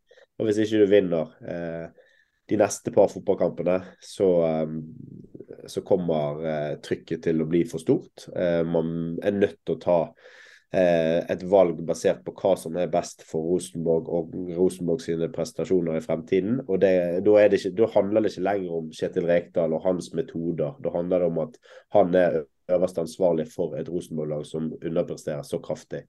Så uh, Da kan de snakke så mye de vil på styret om at de kjøper angrepsplan og de kjøper eh, Kjetil Rekdal som hovedtrener, men hvis kreftene blir for sterke og eh, misnøyen for stor, så er de nødt. Da blir hendene bundet, og man er nødt til å, å agere. Enkelt og greit. Det er ikke bare krisestemning i, i Trondheim. Det begynner vel å se konturene av det i eh, Haugesund også. For rent bortsett fra en eh, ja, kall det monsterskåring av Bruno Leite, så var det ikke så utrolig mye å rope hurra for på det flotte hybridgresset på Haugesund stadion. Eh, tre uavgjorte og tre tap siste seks, og nå nedrykksplass. Eh, taper da også da den siste matchen mot Tromsø 1-2. Og hvordan eh, svarer eh, Jostein Grindhaug eh, på det når han blir konfrontert med tingenes tilstand? Jo, han sier jeg syns det er litt deilig, for da slipper jeg å få alt det maset om plassering høyt på tabellen. Og det setter selvfølgelig Ja, det skaper reaksjoner, da. Da var det i hvert fall leder av Måkeberget sa til TV 2, og vi har også snakka med han om at det er noe man reagerer kraftig på, og det fyrer litt opp under en allerede tvil til om uh, Jostein Grindhaug er rett mann. Men uh, ja, hva tenker, hva tenker, vi? Er Jostein Grindhaug rett mann for Haugesund akkurat nå, eller er det krise? Jeg tenker jo det at det å få Tromsø til Haugesund er jo den perfekte kampen å snu der på. fordi at uh, historisk sett så er jo det der Alle lag har det her nemesisene de aldri slår. Og Haugesund Tromsø vinner aldri Haugesund. Men så kommer de til Haugesund nå når Haugesund er på sitt aller verste og tar en sterk seier. og altså Helstrup eh, viser, mannskapet viser hva de står inne for. Og så det som skjer i Haugesund det, han, eh, Grinaug har jo en sterk sterk status i denne byen og i denne klubben, så jeg skjønner at det er mange som kanskje verga seg for å liksom skal ta frem kniven her, men noe må i hvert fall skje. og uttalelsene hans det skjønner jeg at uh, setter sinne i kok hos en supporter. Det er jo en typisk Jostein Grindhaug-kommentar, da, og, uh, føler jeg. Men uh, kanskje timinga er litt uheldig, for det er ikke det supporterne kjenner på. Ja, Det syns vi også var litt deilig.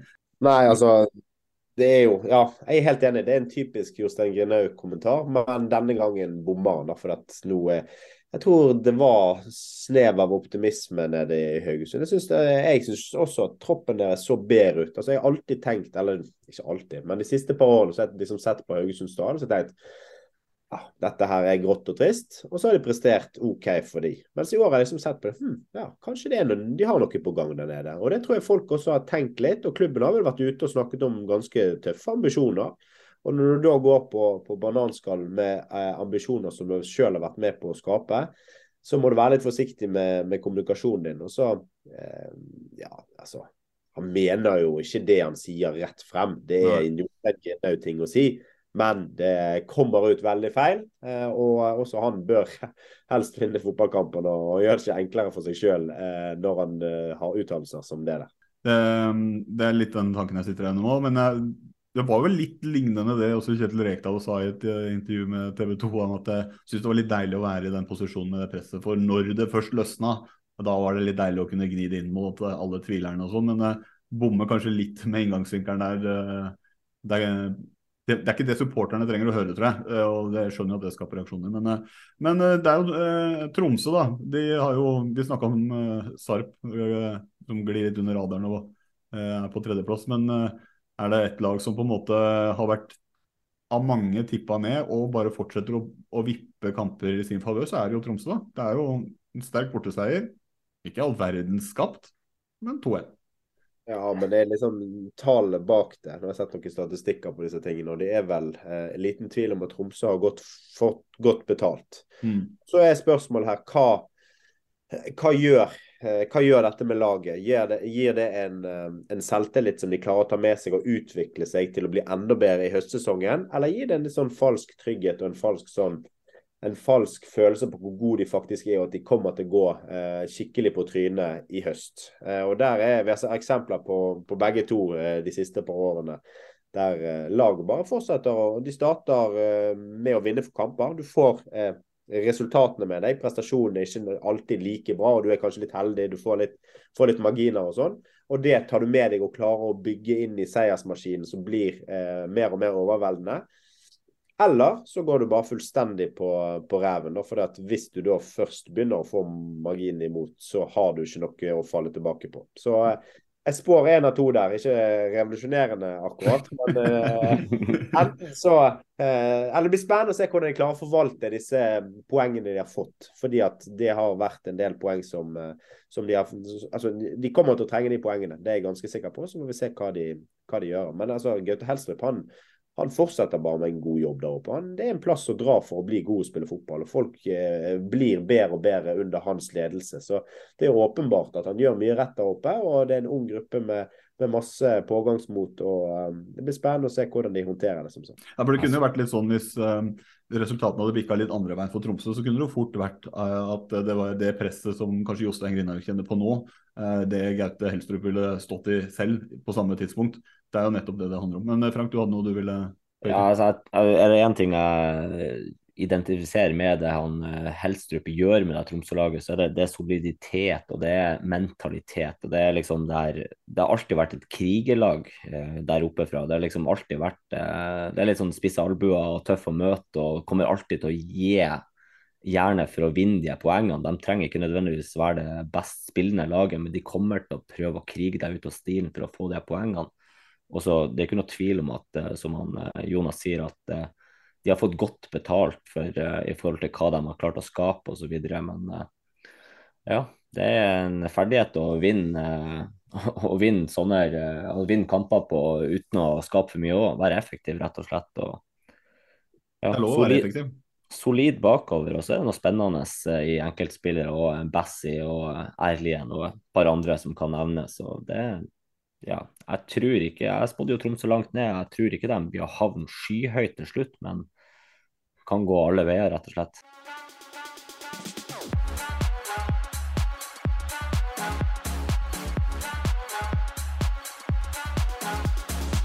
Hender har vært i fokus denne runden, så vi tar en liten pause fra kampene. Og så må vi diskutere hens. For en som er flink til å rekke ut hånda og spille volleyball, er Mushaga Bakenga. Så hens-regelen er igjen oppe til diskusjon. Og jeg må spørre Jonas, Skjønner du dagens hens-regel, eller eh, skjønte du det selv når du var spiller, eller hvordan var det å forholde seg til de greiene der?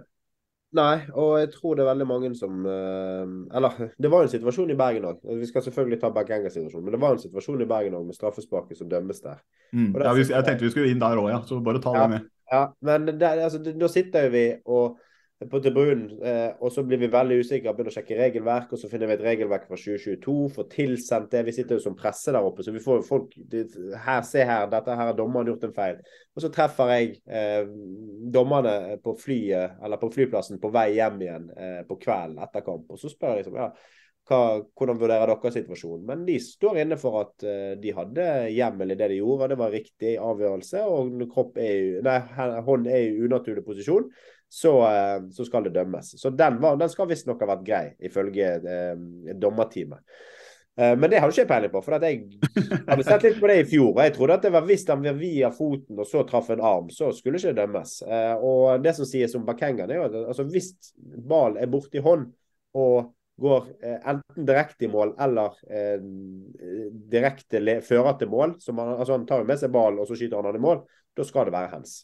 Mm. Så eh, ja, veldig merkelig at eh, Og jeg er liksom ikke blitt noe klokere på det heller, for det var jo hvis du, hvis du, tenker på den der, um, situasjonen i Bergen uh, hvor Rosenborg får straffe, hvor den går da via beinet opp i armen, uh, eller låret, så er det jo egentlig akkurat det samme som skjer med Henrik Heggheim på Lerkendal, hvor han får en pasning, ballen spretter opp, fra foten opp i hans arm som står ut fra kroppen. Da var jeg ganske tydelig på tribunen jeg satt der eh, sammen med Arskan, og sa, han, han sa å nei, Så sa han det, det, det, det, er, det, ikke straffe, dette har jeg sjekka før og sånne ting. Men er det plutselig blitt endra igjen nå? At det ikke er en uh, regel om at den går via? For da begynner jeg å Da har jeg få ja, jeg tror, det, jeg tror det var visst gammelt regelverk. Og det handlet om naturlig ikke Altså, eller det kan være det, det er nok eh, Altså det fremdeles gjelder, men altså, så lenge hånden er i unaturlig posisjon, Eh, og det er snakk om et eller annet over skulderhøyde, så skal det dømmes. Og, altså Den armen i Bergen var ikke over skulderhøyde, så vi var ganske sikre på at de gjorde en feil. da. Men som sagt, når jeg snakket med dommerteamet, så, så var det, det handlet det om uh, unaturlig posisjon. Og han treffer jo armen i en posisjon som uh, ja, kall det unaturlig. Han er i hvert fall langt opp og høyt, men uh, ikke over skulder. Mm. Skjønner du reglene, eller Frank? Nei, jeg skulle si jeg foreslår at vi drikker 15 pils hver nå, og så sitter vi og ser på damer og vurderer hvem vi syns er pen. For vi kommer til å ha forskjellige meninger. og Det virker som at dommerne de dømmer jo helt vilkårlig på hva de mener hands og ikke hands. Jeg forstår ingenting lenger. Nei, det er, det er, noe med det som kanskje gjør det frustrerende. At man, eh, du ser lignende situasjoner. Men så er det alltid hjemmel for å gjøre motsatt av det som ble gjort sist. Det har jeg også hørt den der hvis du har hånda over hodet. Uh, hvis armen er over hodet eller over, over, skulder, uh, over skulder, så er det alltid hens uansett hva som skjer. Så greit, hvis det gjelder, så kan jeg ha i hvert fall en trygg havn å lene meg på. Men uh, da vet, vet vi kommer til 24, kanskje da er, da er det greit. Så lenge, og så videre. Jeg vet ikke. Altså, vi skal ikke så mange runder tilbake før han, uh, Diogo Thomas har handa ut fra kropp og stoppa et skudd oppe i Tromsø, ja. og ikke dømmer straffe på. Det er, sånn, det er jo en redning, men nei, det er jo ikke hands. Nei, Eneste løsninga er å gjøre uh, hens uh, lov. At uh, den kan være Det er bare å br bruke hendene, så får vi se. Nei, altså jeg veit ikke, men det, straffe blir i hvert fall i Bergen. ikke annullert i, i, Bærum og på Nadderud, selv om VAR er inne og ser på det. og diskusjonen raser. Men det er jo andre ting som skjer i den kampen. Så hvis vi, vi kan si at dagens lille hens-oppklaring er over. Vi har ikke, fortsatt ikke peiling på hva som helst ikke. Jeg tenker at uh, så lenge Bakenga spiller mot Vålerenga, så får han lov til å spille volleyball. Ja, uh, og han innrømmer jo selv at han er bortpå. Uh, Riktignok i intervjuet etterpå, jeg tror ikke han går bort til dommer og sier det der og da. Det, men uh, han sier jo at han er bortpå. Det, han legger jo ikke skjul på det, men han mener at det ikke er hens. da. Det, og det er greit. Det er ikke, jeg har ikke lyst til å fokusere på det når jeg skal snakke om Vålerenga i den matchen, fordi det er mye annet å ta tak i uansett. Men vi kan bare hoppe videre til nettopp den matchen. da. vi får eh, Stabæk-Vålerenga ender 2-1. Eh, og det spilles til og med både 11 mot 10 og 11 mot 9 i eh, lengre perioder. Mm, Nadderud-matta den er fortsatt ganske skrekkelig. Vålerenga er enda verre. Men verst prestasjon av alle er det dessverre en 14 år gammel gutt som har med å kaste flaskene sine istedenfor å pante dem. Så det er mye som skjer rundt den kampen. men den kampen så jeg jo i sin helhet og med stor interesse. og Hvis jeg bare kan si min korte, enkle analyse er at Vålerenga har ingen andre å skylde på enn seg selv for ikke å få med seg noe derfra. Stabæk er ikke umulig å slå, eh, sånn som jeg ser det. De skaper ikke all verden. Men jeg reagerer på at i intervjuene før kamp så sier man matte er så dårlig at vi kan ikke spille finspill. Vi må vinne krigen, vi må slå direkte, vi må slå langt, vi må holde ballen i lufta. Eh, det kommer fra Fagermo, det kommer fra Magnus Bech Risnes. Hva er det man prøver på? I 90 minutter å spille ballen langs bakken. Og finspill og tre gjennom og spille rundt osv. Så, videre. så det, det, reagerer jeg på. Um, men bortsett fra det syns jeg Stabæk gjør en fint. Brann klarte helt fint å spille fotball her for en måned siden i cupen. Eh, de spilte Stabæk av banen i den semifinalen, så at det er muligheter. Og så er det litt ironisk òg at Stefan Strandberg da er ute etterpå og slakter Stabæk for måten de spiller fotball på, eh, når eh, det var planen deres. Eh, ja, ja. Det, det, altså det er så mange ting som er umusikalske med akkurat det der. og det er ja, det begynner å bli noen sleivspark fra kapteinen til Vålerenga etter hvert. Jeg er 100 enig, og det er derfor jeg sier at det er mye å ta tak i den matchen der. Men uansett hvordan man vrir og vender på det, så skal ikke Vålerenga komme her og skylde på verken Rohit Saggi eller Matta eller noen andre enn seg sjæl for ikke å få med seg noe i den kampen der. Eh, jeg mener han treffer bra på eller VAR treffer bra på det første røde kortet. De treffer greit på straffa, bommer på det røde der. Får man litt hjelp, og så får man et annullert mål man kanskje, som, eller som ikke ble annullert. Som, ja, den gikk ikke din vei. Men alt i alt, man skulle ut og vinne krigen, og så drar du ut for å og gjør stikk motsatt. Da. Så da, da, da, mister du meg allerede i, i sympatien sånn rundt det. Men uh, all honnør til Stabæk for den innsatsen de la ned de siste 15 minuttene. For der var det murt igjen med ni mann, og de kjempa som løver. Så det, ja, sånn som jeg tolka det, så kanskje ikke mest underholdende fotballkampen for uh, nøytrale seere på slutten der, men uh, herregud. Men var, det, altså, var det en Stabæk-supporter? Han 14 år gamle gutten, det var en Stabæk-supporter, sant? Mm. Hvorfor kaster han en flaske når de har vunnet en fotballkamp? Det, og det samme tenkte jeg. Jeg satt i Bergen. Eh, det var selvfølgelig dommerteamet der nede var, eller der borte var veldig, veldig eh, upopulær.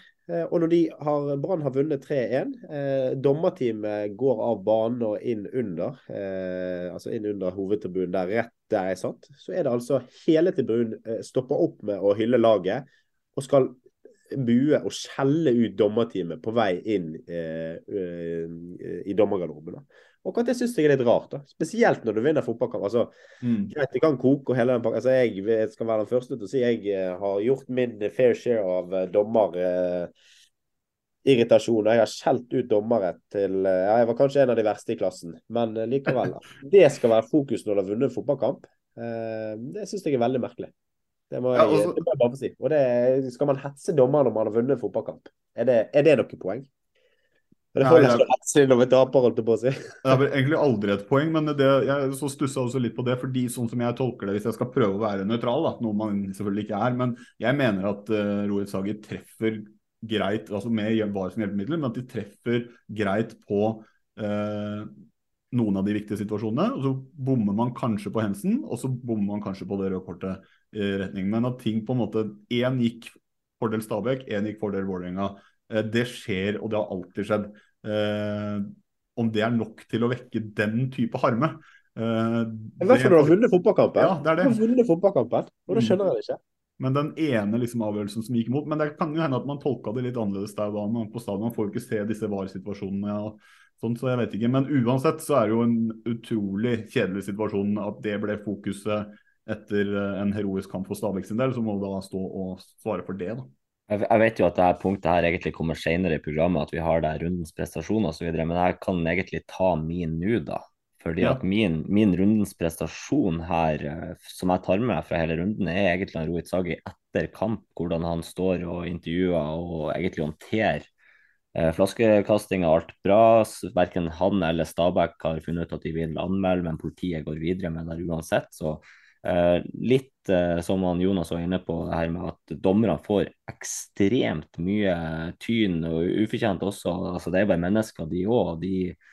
Eh, jeg mener jo det at egentlig forbundet osv. skal ha gjort mer for å lønne dit at de kunne gjøre det her på fulltid og ikke ha en jobb på sida. Jeg mener at uh, vi skulle ha brukt mer ressurser på å styrke dommerstanden. Mm. Uh, men i hvert fall uh, vil bare nevne det at mitt, eh, mitt, rundens pluss er det her, da. Og så igjen Stabæk også. De eh, donerer pantebeløpene nå, om det, om det var for én kamp eller hva det var. Men jeg tror det er neste hjemmekamp, ja. ja. Skal de donere all pant til, eh, til dommerrekruttering for jeg tror det var yngre, da. Ja. Så nei, forhåpentligvis så I hvert fall noe positivt å ta med seg, da. Ja, og så tror jeg ikke han 14 år gamle gutten kaster flasker igjen. Det tror jeg faktisk ikke. Jeg tror, jeg tror han har lært det. Ja, men altså, det er ikke bare, er ikke bare han. Eh, fordi at jeg tror når det skjer sånne ting som dette her, så er det selvfølgelig eh, Vi må prøve å se det positive i det. Og det er det at det blir en bevisstgjøring, og vi får en ny sånn der påminnelse om hvor viktig disse dommerne er, og at de er, de er mennesker eh, som eh, gjør så godt de kan. Uh, og igjen, jeg uh, var ikke på, på noen sens måte jeg, uh, jeg, hadde en egen evne til å irritere meg sånn over dommer at ja, Og har egentlig den ennå, men jeg har fått et litt mer sånn fått mye mer respekt for det. Når jeg reiste rundt i fjor med Discovery, så traff vi veldig ofte dommerne enten på hotellet eller på flyplassen etter kamper. Så jeg snakket med veldig mange de gjennom fjoråret. Og det er liksom dette med profesjonalisering og sånn. De er litt sånn Noen av de jeg snakker med, var litt sånn skeptisk til det, for det er så intenst, dette dommeryrket at hvis du er profesjonell dommer, eh, du gjør en feil en helg, og hele neste uken din handler om eh, dømming, så, så, blir du kokt. Da, da, blir du spist opp. Og det å kunne komme hjem og gå på jobb mandag eh, der du holder på med helt andre ting Så det, akkurat det poenget kjøper jeg. Eh, at de trenger å koble av. Eh, fordi at eh, det er så stort trykk. Men samtidig så må vi gjøre et eller annet. Og så er det veldig mange som mener dette at ja, dommere som gjør en feil, de må sone kan... Eller altså, jeg ser bl.a. Edvardsen på Twitter. Han er veldig på at eh, dommere som, som, gjør store feil i kamper, de, de trenger eh, hvile. De trenger å stå over. Men sannheten er jo bare det at dommerne trenger eh, øve, øving og trening og gjentatt øving og trening. Og den eneste arenaen de har for virkelig å få teste seg, det er jo i kampsituasjoner. Så hvis en dommer gjør en tabbe, så skal han sone tre kampers karantene, og så skal ikke han dømme igjen på tre uker. Blir han en bedre dommer da? Jeg tipper neppe. Så at denne der Ehm, stemmene, stemmene, som sier at de må hvile, ja, selvfølgelig kan være ting som gjør at det blir en, en mental greie, og det kan være greit med en pause. Men det der skulle begynne å straffe dommere for prestasjonen, det er jo ikke noe å ta av. Vi må jo fortsatt utvikle de beste dommerne vi har i dag. Og da er det helt avgjørende at de får dømme mest mulig fotballkamper og mest mulig øving, og det får de gjennom å dømme fotballkamper. Punktum. Mm. Da blir det paradokset at hvis, du, hvis, de beste dommerne alle må sone, så ender det opp med at de nest beste skal dømme hele neste runde. Sånn at hvis, du, hvis du praktiserer det, så, det så da, hvor har man havna da? Men eh, fra, fra, en kamp som eh, hvor dommeren eh, både sto i fokus under og etter, eh, til en hvor det kanskje ikke var like nødvendig.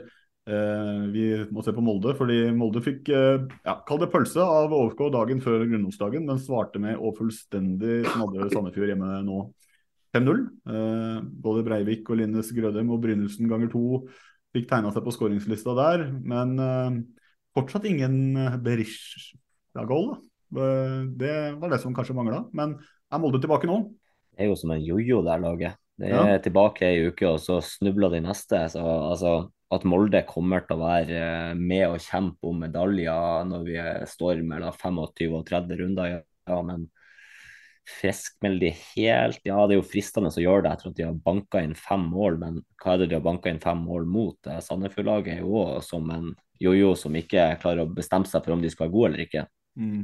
Men du, du ser jo den siste episoden vi alle tre var samla i Bodø, så sa du at i utgangen av mai så er jeg ganske sikker på at Molde ligger på medalje, medaljeplass. Var det ikke det du sa? Jo, før, før, vi, før, vi, spilte inn uh, 16. mai-runden. Ja. Når de da hadde vunnet 5-1 eller hva det var. Så du har jo brent deg på å friskmelde Molde tidligere, du også, men eh, Altså, jeg, jeg, brenner meg jo hver episode på å melde et eller annet som de vet det slår ut. Så jeg, altså, for min del skal jeg bare si Molde de tar eh, medalje i år, og så havner de på nedrykk. altså.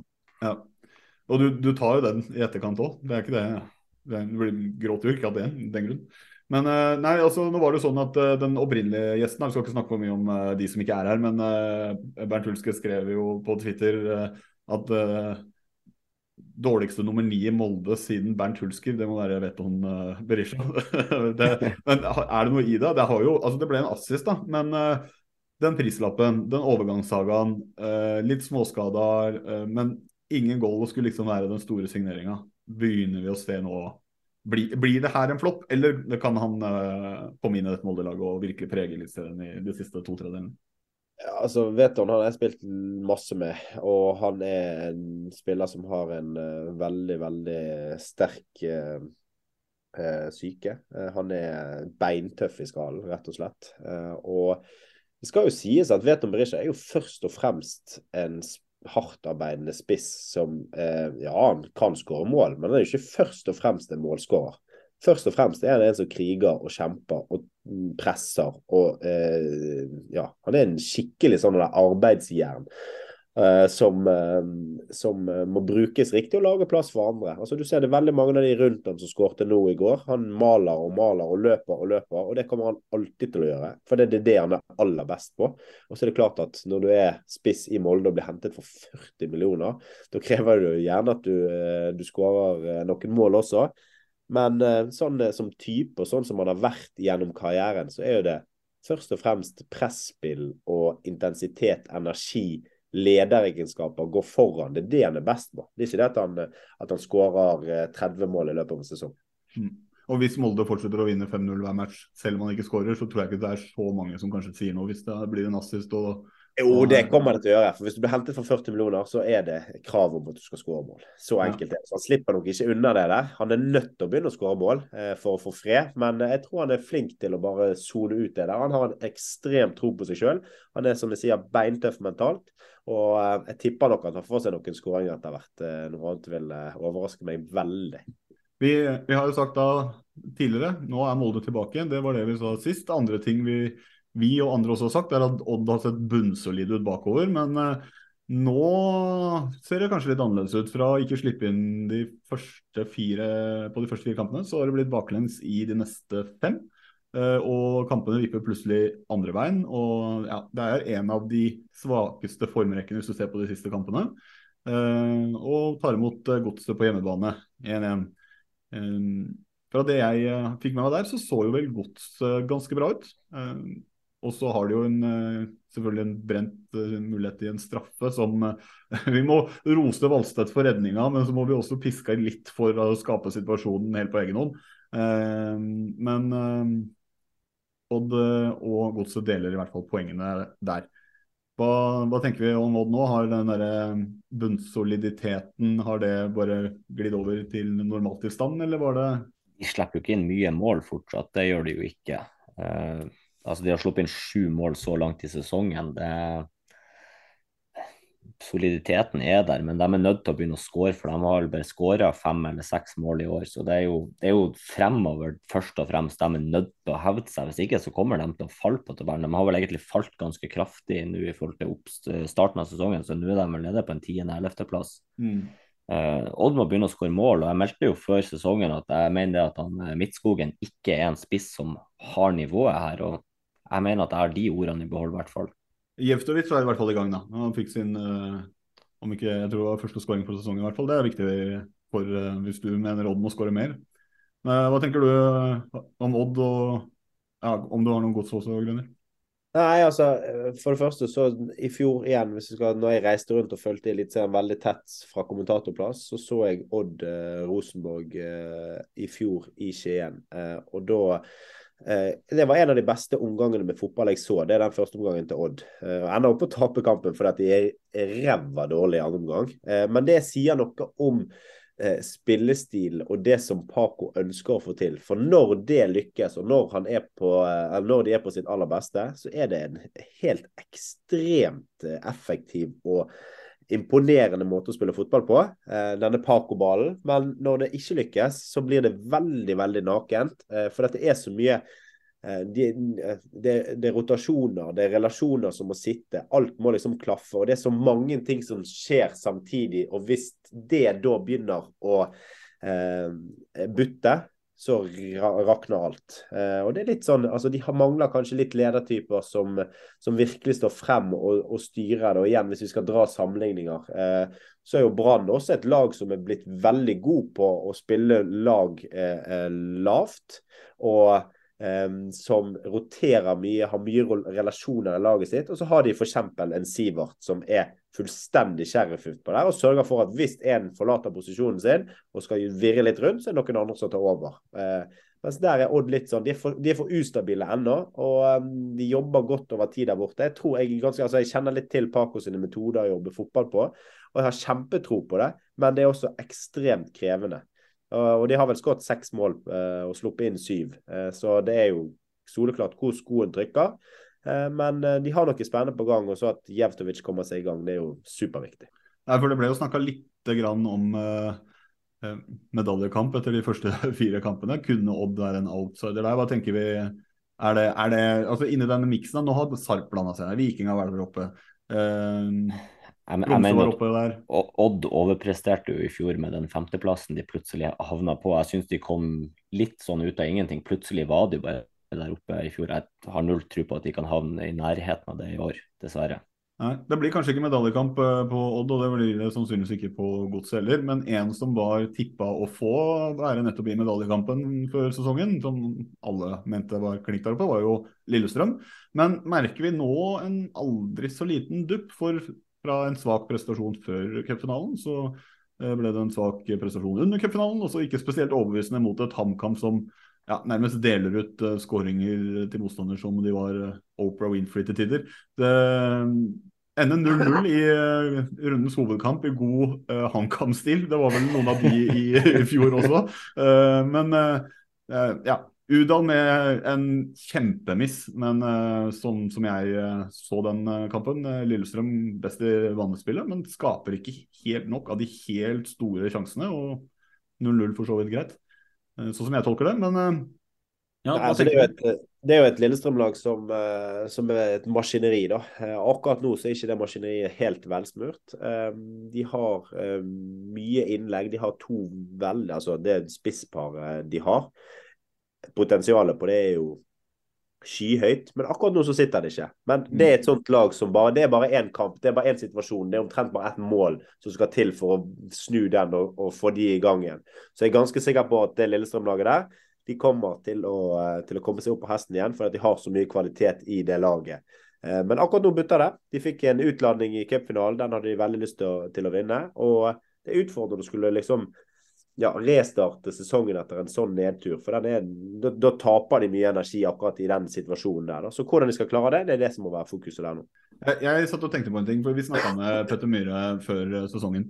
Eh, og at de hadde lagt om til 3-5-2 nettopp for å få det beste ut av Adams og Thomas Lene Olsen samtidig. Eh, vi har jo til tider fått sett hva det kan gjøre for eh, Akvar Adams, eh, som har herja til tider. Men Thomas Lene Olsen, er det er det, er det, en litt skuffende start på sesongen for han, og er det da, kommer han godt ut av den endringa? Det enkle svaret er jo nei, men eh, jeg tror det er mer sammensatt enn det der. Det er mye kvalitet i den spilleren der. og så det som Jonas sier her nå, han sier det at det er egentlig bare en bryter som må, som må vris om her, så er det laget der tilbake der det eh, kjapt skal være. Eh, nå har de tapt mot eh, Glimt, de har tapt mot Sarpsborg, de har uavgjort her, de tapte cupfinalen. Det er det er bare noe rusk i det her, men jeg har i hvert fall trua på at uh, litt grann justeringer, så er Lillestrøm tilbake der de skal være, egentlig. Så Vi avskriver ikke helt ennå. Vi kan jo nevne at det er et uh, viktig poeng for uh, HamKam etter å slippe inn mye mål på kort tid. Uh, også klare å holde nullen mot Lillestrøm. Det er sikkert viktig for dem å ta med seg det, men det er, hopper vel ikke champagnen borte på Hamar av den grunn heller. Så det er mye igjen. Nei, men altså, altså HamKam de reddet jo sesongen sin i fjor, og de, de overlevde jo basert på én ting. og Det var jo eh, den defensive soliditeten og de poengene de plukket gjennom. og ja, altså, Jeg vet ikke hvor mange ganger han eh, Mikkelsen sa der borte at eh, nei, så lenge de fortsetter å spille uavgjort og plukke poeng, så kommer de til å overleve. Og, og det gikk i fjor. I år har de ikke hatt eh, den samme uttellingen, men de må finne tilbake til, eh, de må finne tilbake til den defensive soliditeten. For de har noen type offensivt. Udal kommer til å skåre mål hvis de hvis de ligger sånn som det der og lurer, så har han potensial til å skåre mål og vippe, vippe jevne kamper i, i deres favør. Så eh, jeg tror nok at HamKam er et av de lagene som, eh, som eh, ja, kanskje Kanskje kvalikplass på de, men jeg tror ikke de er blant de aller, aller dårligste. De spiller vel ca. halvparten av kampene sine i fjor uavgjort, hvis jeg ikke husker helt feil. Det var i hvert fall vanvittige tall på uavgjorte, og så tror jeg de savna litt den Eh, kall det ledertypen som Kurushai var for de i Midtforsvaret. Det virker som at de mangler en som bare går foran i krigen. Det litt, litt skorta litt på det.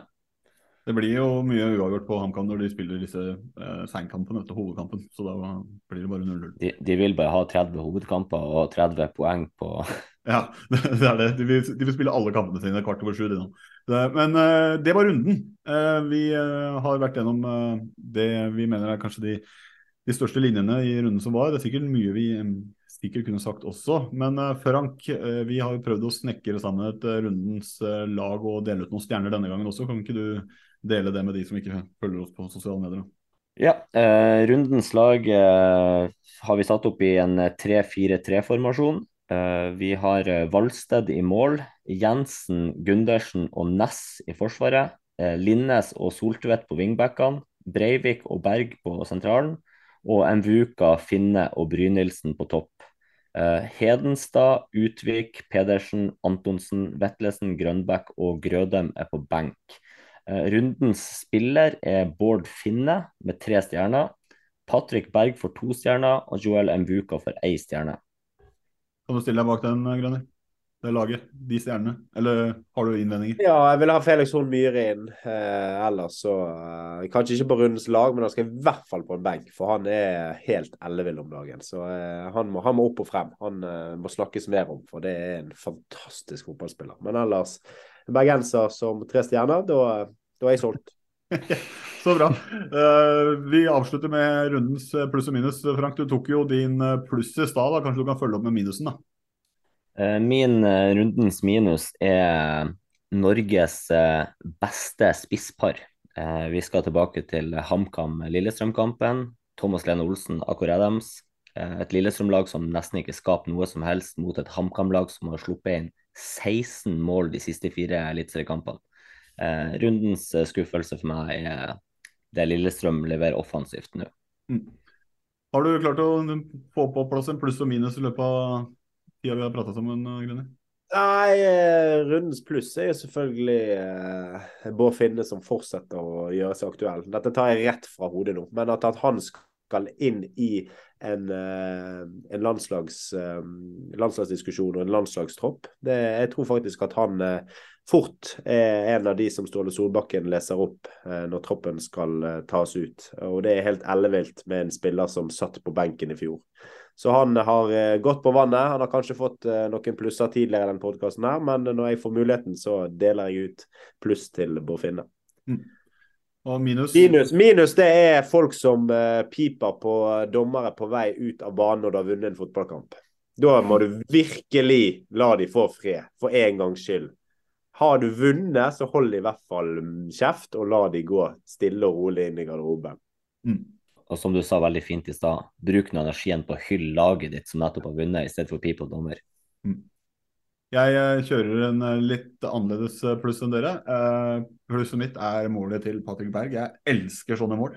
Det er mer av det. det er sånne ting som jeg ser gjerne om og om igjen, uansett hvem som gjør det. Som banker til på avstand og dupper ned i hjørnet der. nydelig. Minus eh, blir å gjenta litt selv. Eh, sånn generelt kasting av ting på banen har det vært en runde med det 16. mai også, og nå en flaske på en dommer. Eh, det blir ikke da rundens minus, kanskje, men generell overordna alltid minus i min bok. Eh, å kaste ting fra tribunen på eh, aktørene som vi er for å se underholde oss. eller det, det må vi jo bare slutte med. Men eh, helt, helt til slutt med en liten build-up inntil uh, vi skal se hva som skjer, så skal dere få tre kjappe. Um, så da skal du få lov til å begynne, Frank. Uh, bare svare direkte. Drar Knutsen til Ajax? Nei. Resultatet på Intility? 1-4. Markus eller Martinus? Begge to. uh, og Grønner, da skal du få litt uh, uh, om uh, det første Vi skal fokusere litt på at det er match, runder i morgen i cupen nå, så da skal du få Første spørsmål er det største laget som ryker ut i cupen fra ES i morgen. Oi. Eh, ingen ryker ut. Ingen ryker ut. Ingen ryker ut i morgen. Ok. Vinner Glimt ligaen uansett om Knutsen drar eller ikke? Ja. ja. Og hvem ryker først da, av Rekdal, Fagermo eller Grindhaug? Eh, Rekdal. Og der kom akkurat eh, Jonas inn for å få med seg det. Det er bra. Eh, da kan du også få tre kjappe, Jonas. Mm -hmm. Går RBK videre mot Stjørdalsblikk? Oi. Ja. du måtte tenke, ja. Og um, vinner RBK mot Kamma, da? Nei. Nei. Hvor mange kommer og ser den kampen? Sånn ca. 1000? Eh, offisielle eller eh, ordentlige Nei, de mange kommer og ser på. Eh, 12.600. Mm. Vi får se. Du kom akkurat inn til slutten av uh, episoden og over til bare at vi kjapt ser på hva som skjer. Det er jo som sagt cup i morgen og andre runde. det er vel Dere må rette meg hvis jeg tar feil nå. Det er bare Sandefjord som er ute? Ja, eliteserielagene, ja, ja. Men det er jo en del andre lag som har røket ut. Ja. Så er hvor mange Nei, nei alle har uh, gått videre. Hæ? Nei, ingenting. Hva skjedde nå? Vi kødder med det. Det er alltid 50% av eh, lagene som jeg vet er en runde, som rykker ut. Uh, og de kødder med deg. Jeg er ikke med i det hele tatt, jeg.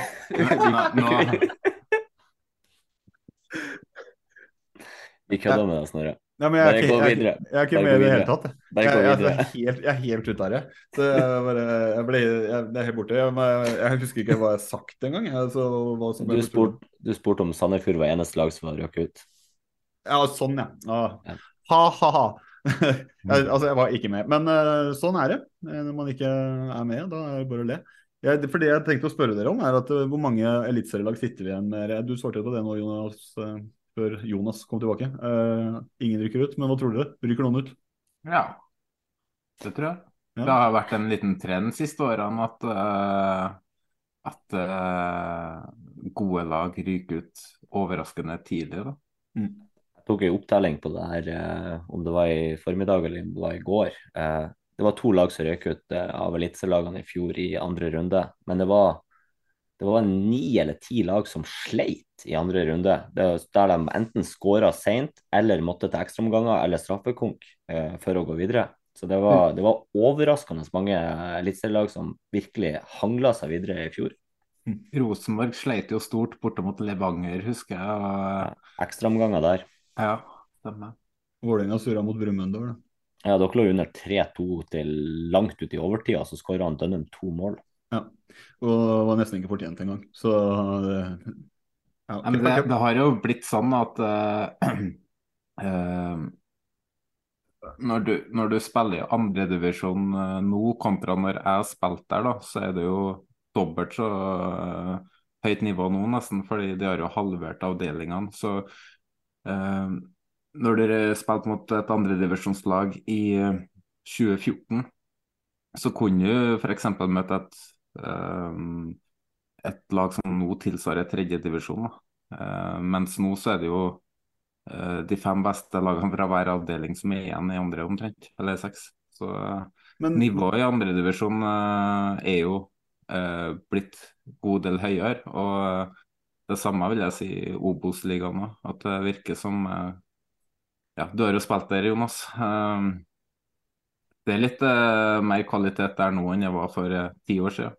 Ja, ting profesjonaliseres mer og mer, og folk bruker mer og mer tid. Og så er jeg bekymret. altså Vi skal ikke ta den diskusjonen nå, men tredjedivisjon eh, er Etter den ble nasjonal, eh, andredivisjon etter den ble så profesjonalisert. Eh, hvor lenge går det an å holde på uten at det blir eh, Man sitter igjen med kroner der også. For at folk legger livene sine i dette her og reiser rundt eh, og er, bruker mye tid, og mer tid kanskje, enn profesjonelle spillere i toppklubber i Obos-ligaen og Eliteserien. Så Det er virkelig gjennomproffe folk som virkelig har eh, spillerglede, og som ønsker veldig veldig sterkt å, å utvikle seg og nå opp eh, i, i toppen av norsk fotball. Så det er masse masse kvalitet der, og det viser masse av signeringene som er gjort også de siste årene. Folk henter kvalitet fra, fra divisjoner, og de går mer eller mindre rett inn og blomstrer i lagene sine. Så Det er noen interessante oppgjør i måneden. Altså, Lyn Vålerenga er jo kjempeinteressant eh, eh, i cupen. og Nei, i, eh, i Oslo. Og så er jo Ullskisa skal møte Lillestrøm, og Lillestrøm er litt på sånn krise. Eh, Stord Haugesund. Og Den har jeg sett noen bilder fra Stord stadion. og det, jeg vet ikke om det var kødd, da, men hvis den skal spilles på gressbanen der, så var det noen helt forferdelige bilder av gresset der. Så det, det kan jo være fullstendig sånn bingo hvem som uh, går videre. Og så er den OFK-kampen borte mot uh, Byåsen, uh, den òg er den er ekkel. Så vi skal sette en liten eh, parentes, utropstegn bak et par av eh, oppgjørene. Så tror jeg vi skal eh, nevne et par av de da, som Mm. potensielle bananskall. Vi tar Lyn, da. Vi, vi har jo spilt mot Lyn i, med Fram Larvik i år, tappa vel 4-0. Eh, det er omtrent det eneste Lyn kan ta med seg fra årets sesong. De var jo odds-favoritter til å rykke opp. Har høyt andredivisjonsbudsjett, men de sliter jo ganske stort nå i andredivisjon. Egersund deilig. er vel nesten ti poeng foran. Så Det er deilig, Jonas. Det er deilig. Du gir meg håp. ja, altså, Lyn har eh, Lyn med Jan Halvor Halvorsen og flere gode spillere. Han selv fra, fra Mjøndalen er jo der, blant annet. Men eh, de sliter faktisk veldig i andredivisjon. Så, så hvis, hvis Vålerenga får problemer mot de, så blir jeg overraska. Vålerenga får problemer mot alle. Men vi skal ikke snakke mer om cupen. Jeg vil bare ha et svar på hvor mange vi sitter igjen med. Jo, vi må snakke litt grann mer om cupen. Eh, Fordi at nå skal jeg fære i. Nordlandshallen. Jeg skal fære i Nordlandshallen i morgen og se Glimt mot et andredivisjonslag, så jeg lurer på om det er greit å hetse andredivisjonslagsspillere når det ikke var greit å hetse tredjedivisjonslagsspillere. Nei, andredivisjonsspillere kan hetse eliteseriespillere. Nei, jeg bare må jo bare ta opp den der da at uh, det var jo et par uh, Glimt-supportere som sto og ropte neglisjerende Ja, det der, Marcus og Martinus. Og det bare sånn Hvorfor ah, gjorde du det, Frank? Nei, jeg var jo ikke der, jeg var på jobb. Mm. Sier jeg i hvert fall. Ja. Men uh, jeg forventer at dere, du hetser Junkeren etter at dere har vunnet. Ja, åpenbart. Det er jo Ja. byrival. Ja, så det Men eh, det, det var det du ville si litt mer om cupen. For jeg tenkte, jeg vil bare høre, hvor mange eliteserielag sitter igjen? Eh, nå- vi har 15 lag videre nå. Eh, 13 da? Nei, jeg sier vi står fortsatt med 15. Mm. Jeg tipper eh, 12, bare for å ta et tall. Men eh, noen ryker ut, det er jeg helt overbevist om. Men kjapt. Det, eh, vi skal eh, runde av. Eh, det er en ny runde etter cupen igjen. Det er full runde på søndag. Klokka 17 så er det syv kamper og en hovedkamp mellom Viking og Molde kvart over sju.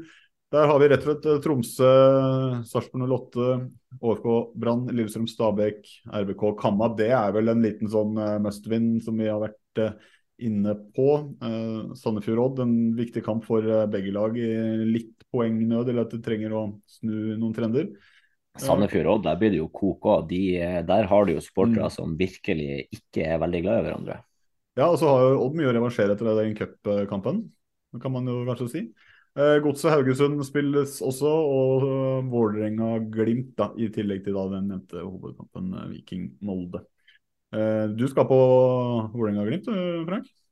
Ja, jeg kommer nedover til Oslo på lørdag og Intility på søndag. Det Mm. blir gøy. Vi har eh, per nå solgt eh, over 1100 bortebilletter, så det blir god kok. eh, Og to, forhåpentligvis to supportergrupperinger som kan synge litt mot hverandre.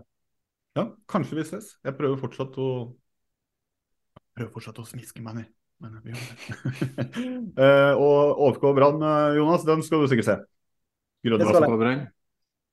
OFK Brann skal jeg se. Ja. Har du Hvis det var meg du mente? Var det meg? Ja, Jonas? jeg sa Jonas også tar grønn etterpå, men uh... Jeg, jeg, jeg skal se den. Jeg orker ikke å se Rosenborg. Nei. Da, men eh, det er eh, full runde i hvert fall, og det er cup, og det er mye som skjer, så vi kommer sterkt tilbake med en ny episode mandag etter den runden der. Og hvis uh, ryktene er rett, så trenger vi ikke å ringe deg, Grønner, for å steppe inn da, for da har eh, eh, Bernt Nikolai sagt at han kan heller bli med da. Stemmer ikke det, Aune? Det stemmer, vet du. Så- Bernt Husker eh, blir med på mandag, Mm. sier han ja. Det kan endre seg. Så da Jeg sitter på benken, jeg, så bare ring. Du er klar? Sjekke telefonen Jeg skal være varme opp, jeg. Jeg skal varme opp. Ja, det er herlig. Uh, helt, helt til slutt. Uh, det blir ikke noe 69 i dag, men eh, en liten ny spalte jeg prøver meg på som heter 69 på tampen. Bare for å få inn litt 69-statistikk. Det er verdt å trekke fram at uh, Bård Amadeus Finne akkurat nå ligger på 0,69 forventede skåringer per 90. minutt. Og så må vi faktisk si at per spilte 90 minutter så sitter faktisk Isak Atanga på akkurat samme snittet med antall skåringer per 90 minutt han har spilt. Så for de som er glad i 69-statistikk, 0,69 forventede mål på Warnfield og 0,69 skåra mål per 90 minutt på Isak Atanga. Da har du. Nevnte du trikserekorden til sønnen din, eh, Jonas? Nei, det har, det har ikke sagt ennå. Uh, og det var jo litt sånn Jeg, fikk, så jeg var ute på lekeplassen rett utenfor der jeg bor, og der er det kunstgress. Så vi har en sånn fotballbane rett utenfor huset. Og så var sønnen min hadde blitt så voldsom på å trikse uh, om dagen. Så han skal, han skal ha ny trikserekord hele tiden. Og så sendte Jonas meg en melding og lurte på om jeg kunne være med. Og så var jeg sånn Ja, jeg skal prøve å få det til. Og så jeg begynte, gikk jeg rundt huset og begynte å skru i Ikea-skapet. Plutselig hører jeg rope 'Pappa, pappa, pappa! Ny trikserekord!' Så kunne løpe rundt huset, da, så sto han der med en kompis og sa ja, hva ble det denne gangen, da? Hva tror dere han hadde trikset til, da? Ligger i lufta nå at det var 69? Det er helt korrekt. Han fikk ny triksekord. 69. Og det, er, altså, det var seriøst 15 minutter etter jeg fikk spørsmål om å være med her.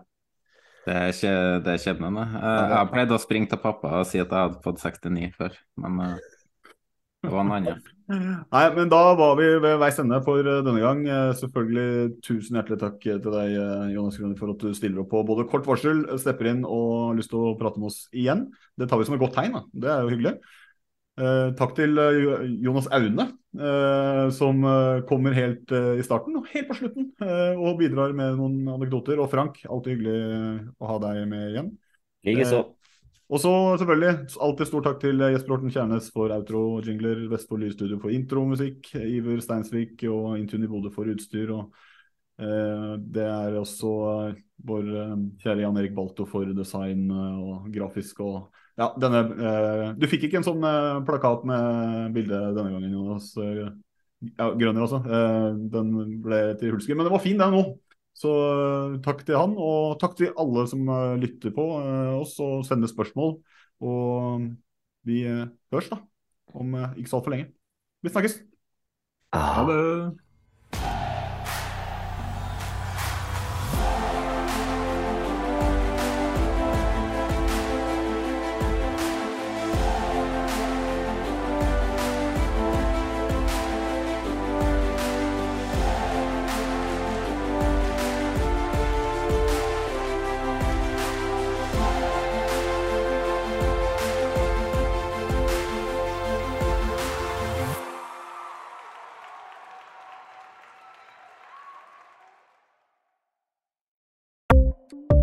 Ukens annonsør er HelloFresh.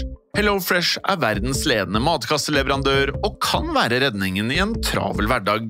Mange av oss har nok vandret i butikken både sultne og uten en plan for middagen, som ender med at vi går for de samme kjedelige rettene gang på gang. Middag burde være dagens høydepunkt. Som HelloFresh kan du nå velge mellom 25 ulike retter hver eneste uke, eller få HelloFresh til å sette sammen menyen for deg. Dette gir deg muligheten til å prøve nye og spennende retter alene eller sammen med familien. Du velger antall porsjoner og får alt levert på døren på et tidspunkt som passer for deg. Oppskriftene er enkle, og maten er lett å lage både for store og for små. Ved å få alt levert hjem får du også mer tid til å dele matgleden med familie og venner. Kanskje det frister med asiatiske tacos eller greskinspirert kylling? Da kan jeg anbefale deg om å gå inn på hellofresh.no. Her kan du bruke koden FOTBALL og få opptil 1779 kroner i rabatt på de første fem matkastene hvis du ikke har prøvd Hello Fresh tidligere. Du kan også bruke rabatten hvis du har vært kunde og stoppet abonnementet ditt for tolv måneder siden eller lengre. Gå inn på hellofresh.no og bruk koden FOTBALL. Ukens annonsør er Folio, en smartere banktjeneste for deg som har en egen bedrift eller ønsker å starte for deg selv. Folio er en superenkel nettbank for bedrifter. Som kunde i Folio får du en bedriftskonto med et bedriftskort og app. I denne appen er det smarte løsninger som forenkler regnskapet ditt, uansett om du har en liten bedrift eller et enkeltpersonsforetak. Folio er både intuitivt og brukervennlig, og er laget med et enkelt språk. I tillegg tilbyr de forutsigbare priser og ingen skjulte gebyrer. Skulle du likevel trenge det, så kan du snakke med deres raske og hyggelige kundeservice, og der får du prate med en faktisk person og ikke en chatbot.